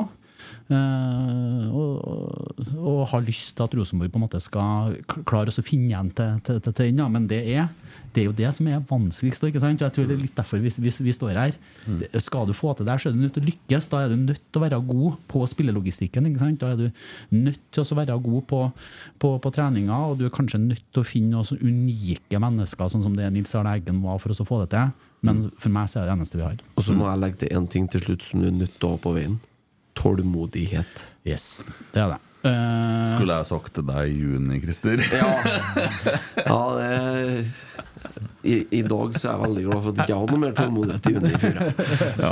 Nei, uh, hvis du var ferdig uh, Han som jeg ikke husker nå, Lars Johnsen. Johnsen. Det er det nærme, Nå har jeg tatt et steg. Ja. Lars. Vær tålmodig med meg, en gammel mann. Ja. Uh, han sa eh, mye fint òg. Han gjøgla litt, men det var morsomt. Uh, du sa mye fint i går. Uh, og jeg sitter igjen med litt det samme som du sier. Jeg er, har tenkt på det i dag. Jeg er jævlig stolt av det Rosenborg har gjort. Og det har ikke kommet av penger. Og da er jeg tilbake til den andre supporterkulturen Det er kallene som drev og pussa opp brakka på kveldene og morgenen uh, før jobb. Det er jo akkurat det samme. Grunnlaget de la. Eh, jeg har en helt klar mening og kan godta premisset i spørsmålet ditt. Hvis det kommer noen snille onkler med mye penger, så er det muligheter for å investere i Rosenborg i form av et partnerskap, og du blir synlig. Eh, Det er plass på shortsen, det er flere plass på drakta. Det er plass i studio her. Det er plass overalt. Jeg vil ikke ha sånn der bæreposedrakt. eh, Der Nei, men, være eh, sånn fin og ren. Hvis du ser på den logoen som står på over hvert skulder Over hvert kragebein her nå, så er den borte. Fra Ja. inneværende sesong. Obos. Eh, altså, det, det, og det tror jeg er måten å bli investor i Rosenborg på, det er å bli partner. Eh, fordi at, som du sier, det ligger litt i det regnestykket her at det er ingen investorer som tjener penger i norsk fotball. Nå kan de sikkert flire av det jeg sier oppe i Nordlandsglimt, for de har investert noen få millioner og sitter med ganske mange på bok nå. Eh, men ta det med ro. Det rakner oppi det her òg. Vent og se. Eh, så nuller det seg ut igjen. Det gjør det. Ja. Så må det være en fordel å være sponsor kontra investor, tenker jeg. Hvis du, for i utgangspunktet, hvis du har så mye penger at du kan være investor, så må du jo i utgangspunktet ha en eh, ganske solid plass i næringslivet, vil jeg tro. Og da får du jo eksponering med på kjøpet til ditt eh, Til dine selskaper. Så må det være helt topp. Det er jo en vinn-vinn, vel. Jeg må bare si det. I dag så var jeg så heldig å møtte en sponsor i Rosenborg. Ja. En partner. Ris Bilglass. Elin Olufsen. Jeg trena med gatelaget i dag.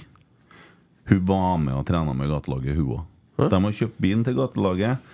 Uh, kunne òg fortelle Kult. at de spytter i 6000 i spleisen som vi har laga for at de skal komme seg til Birken. Det, det er partner, det. Da er vi i mål, da. Vi er i mål med den, så, men uh, alt hjelper. Alt hjelper. Ja. De trenger mer penger, guttene her. Eh, sånn at eh, Og det, det syns jeg er fint. Sånne folk liker jeg. Det er sånn det skal være. Og det er jævlig mye bra folk i Rosenborg-miljøet, også partnere. Vi snakker for lite om dem, egentlig. Ja, det gjør vi. For vi tar dem litt sånn Det er pengefolkene. Vi skulle egentlig ha skjerpa oss litt. Der eh, vil jeg si at uh, det hender seg jo at uh, det altså, Trond Buchmann har jo vært ikke bestandig ment det samme i, på samme møte. Men dere er ikke så ulike, skjønner du. Nei, ikke. Men han sa noe veldig klokt i går. Eh, Så får sitte en Trond Buchmann på det, da. Eh, Så får jeg skynde meg å si unnskyld først, hvis det ikke var eh, lov. Men han sa det at eh, man skal passe seg litt for hvordan man ser på sponsorer og næringslivsledere i Trøndelag òg. Det må ikke bli sånn at man skal se dem, på dem med et ulmt blikk, eller en sånn formulering hadde han på det. Fordi at sponsorer er tross alt eh, de, kanskje de, den viktigste investoren Rosenborg har, da. Gjennom å bidra til, eh, med kroner i kassa til klubben uten å på en måte ha direkte innflytelse eller direkte makt, kan du si. Ja. Så det er veldig viktig å ta vare på sponsorene sine. Ja. Uh, Så mitt svar til investorer i Rosenborg er helt klart 100 nei. Jeg er veldig glad for at vi er en medlemsklubb, og at vi kan sitte her og rote med meningene våre og diskutere det sånn.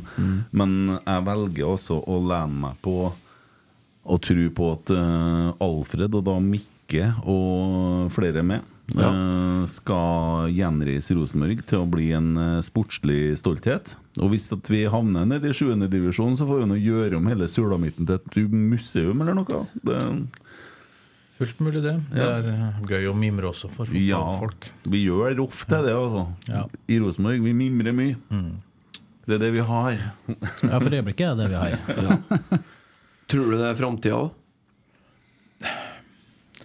Det er vanskelig å si, men jeg har La meg si det sånn, jeg er ikke stemmeberettiget eh, i denne, eh, i denne sammenheng. Men eh, jeg har i hvert fall stor sympati og forståelse for synspunktene som kommer til uttrykk.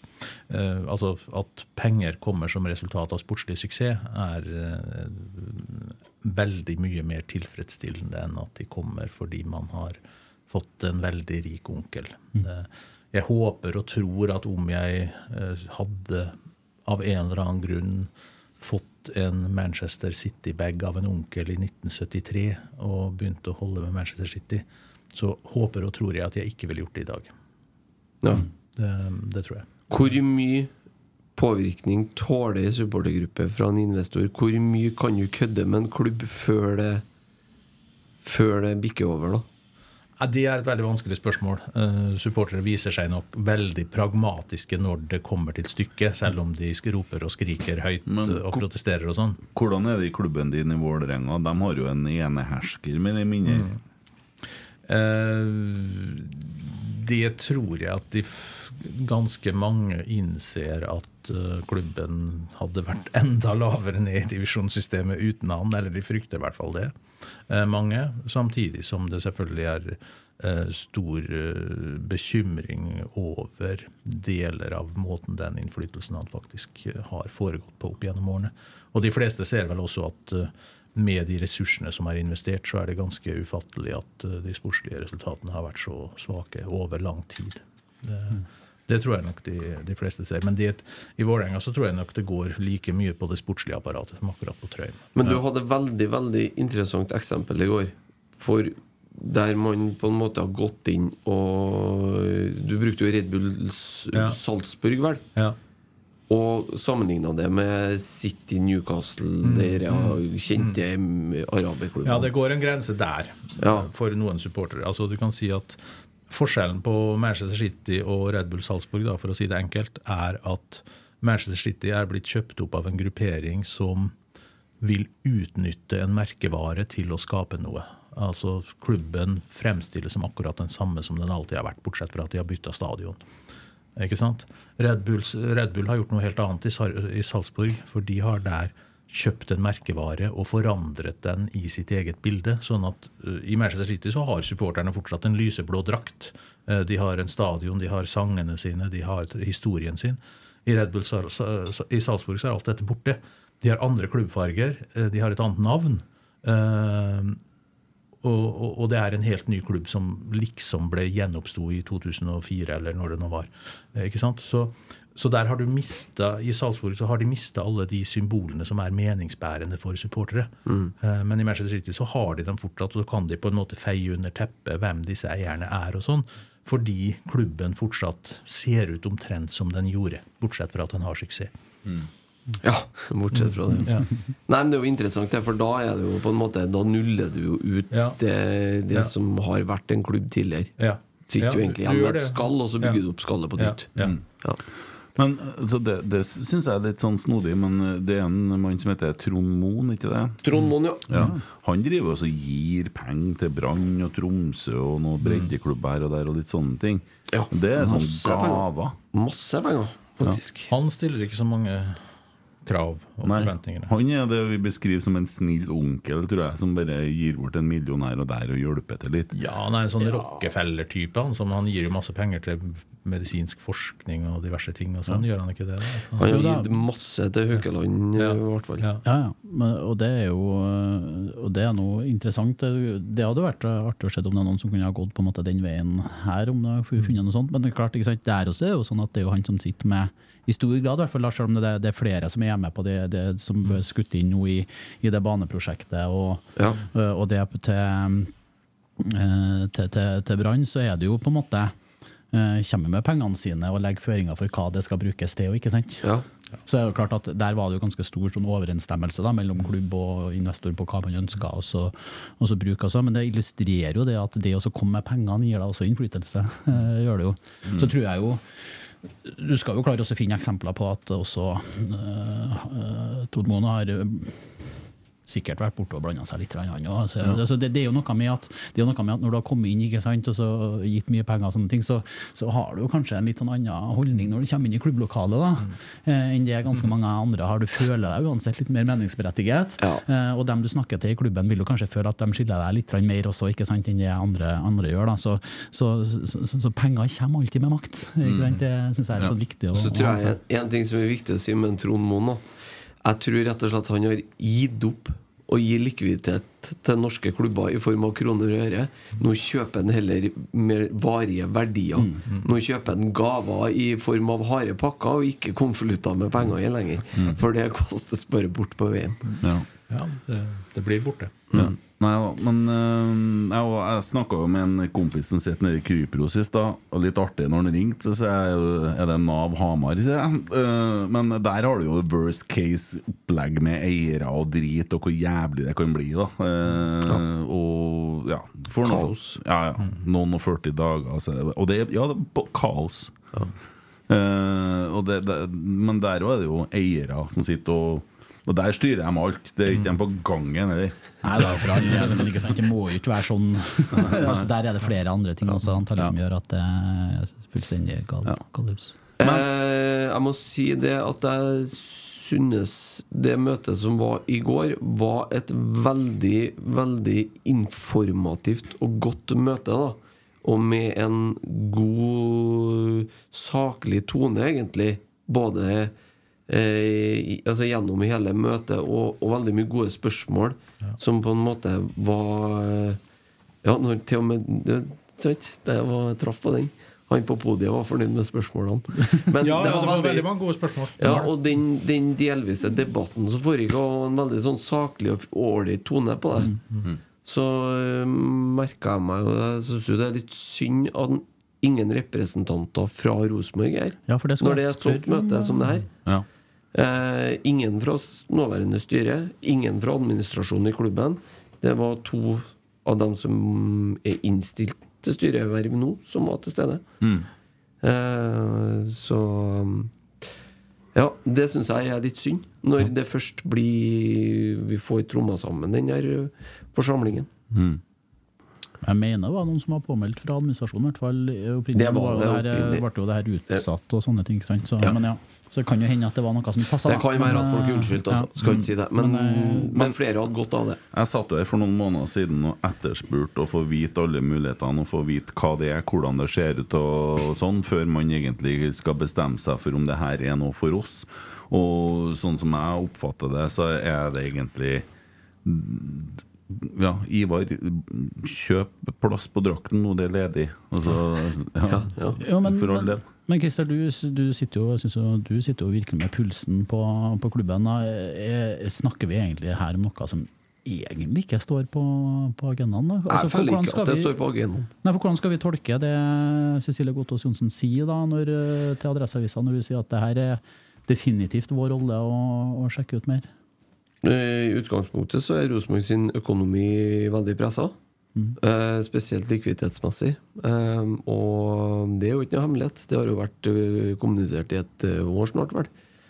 Og det jeg tolker, er jo i utgangspunktet en styreleder som sier at vi som et ansvarlig styre er nødt til å se på mulighetene for å få inn mer penger. Og så kan det være at om det er gjennom hvordan ekstern kapital du skal hente inn altså Det kan jo være i form av sånn som konserter som blir neste år. altså Andre inntektsmuligheter. Om det er ekstern kapital gjennom investorer eller en emisjon, eller eh, hvordan man legger opp det. Det, det vet jeg. Men jeg, sånn som jeg tolker det, så er det det at for å være et ansvarlig styre, så må vi se på muligheten. Mangler vi penger, så må vi prøve å finne penger. Regnestykket Christer, er jo åpenbart. Og så, eh, sånn, hvis du hører på Tore igjen i Rasmus og Saga, uh, har hørt den her òg Vi går 20 millioner pluss i, i 2023. Eh, det er det som er fasit. Det samme året så solgte vi ganske mange spillere, derav også eh, Kasper Tengstedt. Det vil si, hvis vi driver på samme måten i år og ikke selger den Kasper Tengstedt, så er vi 70 millioner i minus. Eh, sånn at uh, det må gjøres noe videre. Uh, så har man jo tatt noen grep, og så har man spart inn 7,5 millioner cirka på å så, si opp noen på brakka. Ok, da har vi 62,5 igjen, da.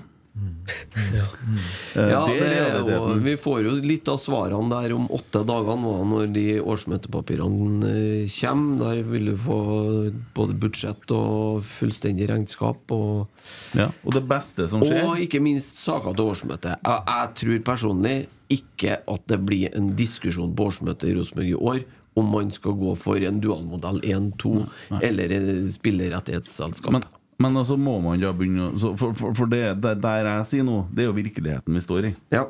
Uh, og da må, man, da må man begynne å se hvordan så, eh, Noen av disse eh, eldre herrene mener jo vi skal selge eh, treningsanlegget og flytte eh, Byneset. Det er ingen store klubber i England som trener vegg i vegg med stadion sin. Altså det, der er det jo masse penger å hente, mye muligheter. Åge Aleksandersen, nytt gress, ok, kan vi kjøre på med mer sånne ting, da? Eh, vet ikke hvor mye millioner det gir, men noen er det. Eh, Du får, ja, hvis du selger treningsanlegget, så får du jo et kortsiktig handlingsrom. Ja, Det er spørsmål hvordan du gjør det. Ja. Om hvis du bygger eiendommer sjøl. Vi skal jo bygge Klokkesvingen. Ja, det er sant, Ja. men, eh, Men vi mangler vel litt likviditet til å få. Mm. Ja, det er jo det som er det, det handler om for klubben. da Og så klare å på en måte få det hadde jo en veldig klok annen revisor også i salen i går som stilte en del gode spørsmål om i, i forhold til det med kostnadssida. Dæven, det sa det i går. Spørsmål. Vi har fått inn alle spørsmål, og vi har brukt ganske lang tid. Ja, Skal, det- skal vi rase gjennom? Vi, har, vi får ta med noen spørsmål på slutten. da Ja. Eh, Kjør i vei, du, med spørsmål igjen. Jan Erik Leirtrø. Det var den kloke revisoren. Lars, Lars Johnsen. Korrekt. Dæven! Det gi meg en og en halv time, så sitter jeg. Ja. Eh, en liten refleksjon rundt investorer etter modell Nordlandsklubb AS tilbake i 2011. De- Dere har vi vært innom, ja. for det, det sa Christer i stad. Uh, og så har han et til. Hvorfor er det så lite fokus på hva regnskapet til klubbene trenger? Klubber med lite inntekter og høye kostnader trenger ikke investorer, men høyere inntekter og kontroll på kostnadene. Det var akkurat det jeg skulle sitte den på i går òg, som han hadde et veldig på, godt poeng når det kommer til det med økonomi og drift. For eh, som jeg og han er veldig enige om, at eh, inntektsgrunnlaget i, Du oppsummerte veldig godt i går, Arve. At hvis det hadde vært sånn at alle hadde gått tilbake til å blitt medlemsklubber, og det ikke hadde vært lov med noe ekstern kapital, så hadde Rosenborg mest sannsynlig vunnet eh, veldig ofte fordi at det har det høyeste kommersielle verdien. Ja. Og det er poenget mitt òg. Rosenborg er ikke en fattig klubb. Rosenborg har et veldig veldig høyt inntektsnivå sammenligna med de andre klubbene. Ja. Det handler bare om å utnytte det riktig, og det er akkurat det han mener med det der. Ja, da var det innom da, da, Svarte vi på det. Svarte på det. Eh, Maximilian Malcolm, som flere har sagt tidligere, heller nedrykk enn å selge sjela. De sponsorene vi allerede har, har for mye makt. Uh, ok, da kan jeg spørre deg, som har solgt sjela og røkka ned. Et, et godt svar, det. Ja. Fikk begge deler. Det er ikke noe gøy å rykke ned, det kan jeg i hvert fall bekrefte. Men på en annen side så uh, Det er jo mange eh, historier de siste 20 årene på klubber som har rykket ned, og som har kommet styrke tilbake. Eh, Brann, Erik. Brann, Lillestrøm, Stabæk til og med. eh, Viking. Viking, ikke minst. Uh, Bodø-Glimt også, for så vidt. Det, har vært, Ja. Det er ikke så lenge siden de var nede. De heller. Og det var de dem som hevda at Rosenborg burde ha tatt den turen også, for å så få det til igjen. Ja, de klarte, det, altså. de klarte det i 77. Ja. Eh, Men altså, Vålerenga er vel kanskje et eksempel på det du snakker om der, som ville kanskje ha gjort det Hvis alle har blitt medlemsklubber igjen, ikke Ja. sant, så er jo det en av klubbene som har en høy kommersiell verdi. eh, Ja, Rosenborg, Vålerenga og Brann er vel kanskje Ja, ja. høyest de. kommersiell verdi. Det er de tre, tre største. Ja. Er det egentlig noe som kan noen gang skje i norsk fotball? At vi er tilbake til det som man snakka om, han eh, Lars Johnsen i går? Om at, altså, ø- ø- bildet der var litt fint. Om Molde kvalifiserer Champions League tolv år på rad, om de vinner Champions League, så er det ingen her som begynner å dra til Molde på kamp for det. Vi, vi elsker Rosenborg. Altså det, det, det, det, det er tross alt det der, der utgangspunktet med at vi elsker klubben og har det her rivaleriet eh, oppå haugen her vi bor. da Det er noe med det. Ja, ja. De følelsene. Mimir Kristiansson som statsminister, så er det mulig. Ja, Ikke Kanskje. Da, da kommer han på kant med norsk idrett hvis han legger seg ut med idrettsdemokratiet og Yes, det er akkurat det. Så det er nok, eh, da må han vel kanskje først bli idrettspresident? Ja, jeg, tror, ja, jeg, tror det, jeg tror det er utopi. Men Maximilian sier at sponsorene vi har, har for mye makt. Har de det? Tja, det var jo et par stykker i salen i går i hvert fall som hevda det. Ja, det har jo vært noen som har benytta anledningen til å fremme sitt syn på saker som de ville ha hatt et resultat i. For å Ja, snakke litt. og valg av eh, styreledere og styrerepresentanter, skulle jeg til å si. Og ja. Jeg syns det er vanskelig også å si. Jeg har liksom ikke vært i settinger hvor det har eh, truffet meg på noen måte. Så Vi må trekke fram flere som rir Spilgrås som eh, er med og spiller sammen med gatelaget. Ja. Ja. Generelt så, så har supportere i mange tilfeller hatt et anstrengt forhold til en del sponsorer, men det har ikke vært knyttet til direkte makt i klubben. Um, det har vært knytta f.eks. til sponsorers rolle i oppladningen til kampen og sånn. At mm. sponsorbudskap tett på kampen tar for mye oppmerksomhet fra publikums egne ritualer. ja. Eh, Det har vært et stridsspørsmål. Og det andre store stridsspørsmålet, apropos drakter, det er jo om du skal ha en sånn fargerik, eh, fargerikt fellesskap-drakt, hadde jeg nær sagt, eller om du skal ha en stilren drakt. da. Eh, Favoritteksempelet mitt var jo i mange år da Rosenborg Det er mulig det var bare en gimmick, men de hadde, skulle ha Narvesen på trøyene sine rundt 2005. Så de stilte med noe sånn blå-oransje greie på den Yes. mot hvit bakgrunn. Forferdelig. Og de ga opp to dager senere og, og fikk en mer sånn I hvert fall, som, hvert fall i den ligadrakten. Det er mulig de brukte den i en eller annen turnering. Ja, klart, for, for sponsor, eh, Narvesen, så var jo en oransje og blå logo mye mer attraktiv enn en som var svart-hvit. ikke sant? For det er mye lettere å assosiere til merkevaren. Men for supportere så var jo dette noe de definitivt ikke ville kjøpe. Og, og det var jo noe vi brukte supportinnflytelse på Ja, også, for å ja, gjort noe med ja. også. Jeg husker også i løpet av min tid så har vi også vært eh, stoppa diverse tilløp til sånn type utdeling på, på seter og sånne ting. Jeg husker at det, det, er, det er en sånn, jeg blir minnet på det hvert år, for det kommer opp på Facebook sånn minne om jeg, jeg bare skrev 'jævla klapperta', eller hva for noe. For Det, det tror jeg var et år det var snakk om det var sånne Ja, det eh, greier som ja. skulle legges ut. da, Det fikk vi satt en Ja, så eh, dere fæle greiene som driver og blåste opp og sånn. Ja, som Ja, å slå ja, men, ja, Forferdelig. Ja. Men uh, grøss og gru, jeg tenker jo på dere tenker jo på alle de der forferdelige eksemplene som du kommer med bestandig skrekkeksemplene dine på- med fra Per Jørgensen-tida i Rosenborg. Om alle de der stuntene med den timen eh, i fotballopplevelsen som ikke skal handle om fotball, og 10 000 kroner på setet på stadion hvis du er 40 minutter før kamp. Og Ja. Det der er Ja, jeg skjønner godt hva du mener, for det der byr meg fullstendig imot. Men jeg skjønner hva Per Jørgensen tenkte der. For det, han driver jo forretning. Han Ja, prøver ja, å Jeg gjøre skjønner også sånn, utmerket altså. godt hva han tenker. Og det som, det som interesserte meg da jeg skrev den doktoravhandlingen min, det er jo det faktum at dette ville funket utmerket på alle andre arrangementer enn fotballkamper. Håndballpublikum ville aldri brydd, ville syntes det var gøy. ikke sant? Mm. Men fotballpub- fotballpublikummet har en mye mer sånn reservert holdning til Han- den type gimmicker. Han Drillo Olsen på sida der, vet du, han vil ikke ha musikk på stadion engang. Nei, ikke jeg heller. Jeg er enig med han. Nei, Det er ikke sant. Ja, ja. Men skal være stilt.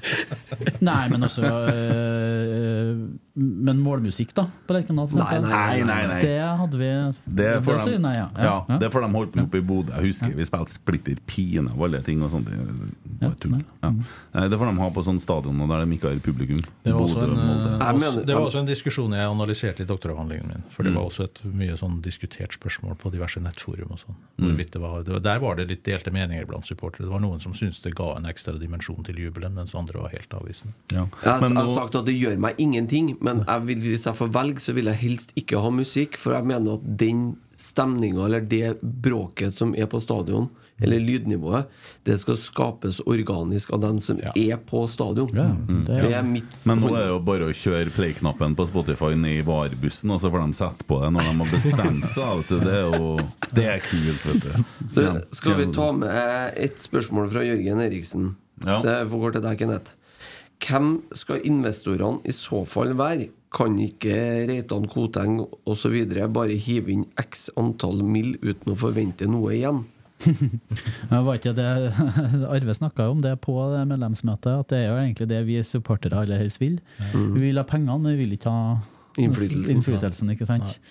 Eh, Så ja, ja, kan godt eh, Det er fint med penger, men eh, ja. Så nøye er ikke jeg. Nei. There's no free lunch. Nei. Ja, eh, En litt artig, artig greie. Midtskill med glede og Buffalo på beina. Dilemma til Kenneth. Tiårsmøter med Karen Espelund, som alltid må ha siste ordet, eller tiårsmøter med Tore og Sandvik, som aldri bruker klubber? det, var, det der er en av de bedre spørsmålene vi har fått. Nei, vi, nå blir det jo ikke noe av noe av det der framover, da. Så da men altså, jeg vet ikke, jeg har, jeg har aldri hatt noen problemer med, med eh, altså, Skal jeg svare seriøst på det? da? Eh, Jeg har aldri hatt noen problemer med Karen Espelund. Jeg syns hun er på mange måter et forbilde med tanke på hvor hun har klart å opprette inna, eh, Ikke opprette, men eh, altså, få til innenfor fotballen. Eh, og det var jo, Vi må vi må huske på litt for å ta lite forsvarsskrift for Tore Sandvik, som kanskje var litt vel varm i trøya på slutten da han var ordstyrer, det skal jeg være helt enig i. Men han kom jo inn etter at vi hadde noen årsmøter hvor klubben hadde satt en, eh, en advokat å lede årsmøtet. For meg ut at en advokat liksom var det beste på det, siden han kan juss. Men det er jo ikke, ikke det ikke det som skal til for å lede et eh, medlemsdemokratisk møte. ikke sant? Da må du ha litt mer sånn eh, organisasjonserfaring og sånne ting. Og det kom jo Tore Sandvik inn med, og, og syntes at han heva akkurat den biten i noen år, da. Før han kanskje ble litt for varm i trøya. Det ble mye tull og fjas på slutten der, ja. det er Det ble det. Så der fikk, fikk du et uh, kjedelig, da, hvis du skal være seriøst på et tullespørsmål. Mm. Uh, ellers så er det Ja, men det er fint, det. Uh, så er det sånn Norwegian Scout har investeringer i norske fotballklubber noen gang lønna seg. Så det har vi jo allerede snakka om, og det er mye sånn. Og så er det liksom uh, noen som syns det er greit. Og, Jeg tror faktisk vi har snakka oss innom og vært innom alle spørsmålene i dag. Eh, Eivind spør direkte om hvorfor ikke Reitan-konsernet har kjent sin besøkelsestid. Eh, Det er vel et valg klubben har tatt, fordi at eh, klubben eh, valgte Coop som eh, sponsor, og da blir jo det litt eh, krasj med Reitan, som eier Rema, så det sier seg vel sjøl, og det må jo være det som er grunnen. Ja, ellers har vi Reitan tatt et valg, da. Om ikke sponser Rosenborg. Jeg Ja, ja, jeg har jo flere selskaper, Ja, ja. så hvis han absolutt vil sponse Rosenborg, så må det jo være en mulighet for det, tenker jeg. Det åpner seg jo et vindu der i 2024, siste året til Coop uh, i kontrakten, så da kan jo hende at det blir skifta den storsponsoren der. Ja. Og så ligger jo Scandic der, og det hindrer vel for Britannia og litt sånne ting, så de har vel noe eksklu bransjeeksklusivitet, det er vel det heter i avtalene, tror jeg. Ja. Nei, gjenstår Ja, å se. Det er glad ikke jeg sitter og selger inn eh, sponsorat og sånn i Rosenborg, men det er litt av en jobb som skal gjøres der òg. Men vi får håpe de klarer, for nye sponsorer er hjertelig velkommen. Jeg skal, siste jeg skal si i dag, jeg kjenner ikke Altså jeg følger ikke med på hvem som er sponsorer, og hvem klubb, klubber har på trøya. og sånn. Jeg prøver så godt jeg kan å overse sånne ting, fordi jeg har en sånn antikommersiell eh, grunnholdning. Men, mm. men det var jo en del år i hvert fall hvor DNB sponset både Vålerenga og Lillestrøm. Det virker jo litt rart, ikke sant? men det var jo fordi at DNB måtte sponse begge, for hvis de sponsa Vålerenga, så mistet de alle kunder på Romerike. Og sponset de bare Lillestrøm, så mistet de alle kunder på Oslo øst. Mm. Så sponsing er selvfølgelig fullt av sånne typer dilemmaer også. Ja. Eh, og Det er vel noen sånne sparebankgreier som har sponsa både Molde og Ålesund også, tror jeg, i mange år. Ja, eh, Sparebanken Møre og Romsdal. Ja, mm. Ja. Er Møre enn bare, kanskje? Sant å si, så vet jeg ikke. Ja. Men Ålesund derimot, de har jo så stygg drakt i utgangspunktet. De løper jo med sponsorlogoer. Alle sponsorlogoer er en forandring til det bedre. Ja, ja, det. Men da er siste spørsmål i kveld, det går til Darve. Tror du at DNB har veldig mange kunder i Mjøndalen? Eh, hvorfor skulle de ha det? Er de sponsor i Strømsgodset? Der DNB er jo på, midt på drakta til godset. Tror de har mange kunder i Mjøndalen? Eh, jeg tror fort de har noen, for folk har et veldig bevisstløst forhold i praksis til bankforbindelsen sin. Ja. Jeg, er, jeg er til og med DNB-kunde selv, og det sier noe om hvor lite jeg eh, or, ikke, Jeg bryr meg egentlig om det, men jeg orker ikke. jo, ja, men det blir jo noe annet med private banking, vi skjønner jo det. Så det, ja, det. Nei, men eh, jeg tror da kanskje vi har eh, fått uh, belyst en del rundt investorting, da. Eh, Så får vi nå se hvordan eh, Vi har nå noe vi skal gjenreise. Så tror, tror du Rosenborg klarer å gå inn i fremtida uten å gifte seg med en investor? Ja, jeg tror de har en brukbar sjanse til det, egentlig. Eh, Jeg tror det. Eh, Men de må eh, De må få flere støttespillere på plass i form av sponsorer, type medieavtaler. Altså å bli en merkevare som folk og bedrifter vil forbindes med igjen, uten nødvendigvis å, å være investorer i den forstand. For det er jo ikke noe tvil om at potensialet i klubben er enormt. Og ser man på privatmarkedet, så er det jo også voksende. Klart voksende. Mm. Uh, uh, jeg vet ikke hvor mye publikumstallene økte i fjor, men det var ganske solid, tror jeg. 14.100 i snitt var det i hvert fall. Ja, Opp fra 13, litt i overkant av 13. ja. Bortimot 10 da. Mm. Så det beste du som hører på gjør for å hjelpe klubben, det er å kjøpe sesongkort, eh, medlemskap i klubben, eh, og ja, det er vel det beste. Og stemme mot VAR på årsmøtet. Og stemme mot VAR. Yes, Ja. det er korrekt. Og støtte gatelagspleisen Ja. Eh, ja. VAR-forslaget det kommer vi vel ganske mye grundigere innpå. Du, er, du slutta å se norsk fotball pga. VAR. Mer eller mindre, ja. Altså, jeg, boy, jeg boikotter ikke i den forstand. Jeg, jeg, hvis noen spør om jeg skal bli med på en pub og se en kamp, så gjør jeg selvfølgelig det. Men jeg, men jeg legger ikke to pinner i kors og legger noen ting til side for å se en fotballkamp. Det gjør jeg ikke. Nei. Fantastisk, altså. Men eh, du har jo en fordel, fordel med det nedrykket, for da slipper du VAR. Da slipper jeg VAR. Det gjør jeg. Mm. Ja. Ja. Nei, og Kenneth og Arve, tusen hjertelig takk for at dere tok dere tida. Takk for at jeg fikk komme. Ja, takk for at jeg fikk komme. Håper vi fikk det vi skulle. Ja, eh, takk for besøket. Takk for oppmøtet i går òg, og takk for innsatsen, kanskje spesielt til deg, Kenneth. Og så kan jeg benytte sjansen til å si det samme til Jo Erik Øverby, som egentlig har vært eh, eh, kreatørene, eller de som har lagt ned mest arbeid for å få det her på plass. Så dere har jo gjort eh, folk en god del klokere på kort tid. Det var målet. Ja. Eh, da har vi sending igjen på søndag. Uh, kommer en liten tabelltipspod på fredag. Takk for stunden. I like måte.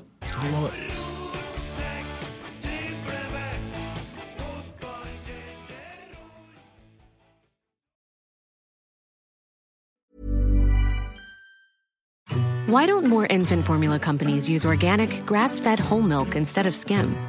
Why don't more infant formula companies use the latest breast milk science? Why don't more infant formula companies run their own clinical trials? Why don't more infant formula companies use more of the proteins found in breast milk? Why don't more infant formula companies have their own factories instead of outsourcing their manufacturing? We wondered the same thing. So we made ByHeart, a better formula for formula. Learn more at byheart.com.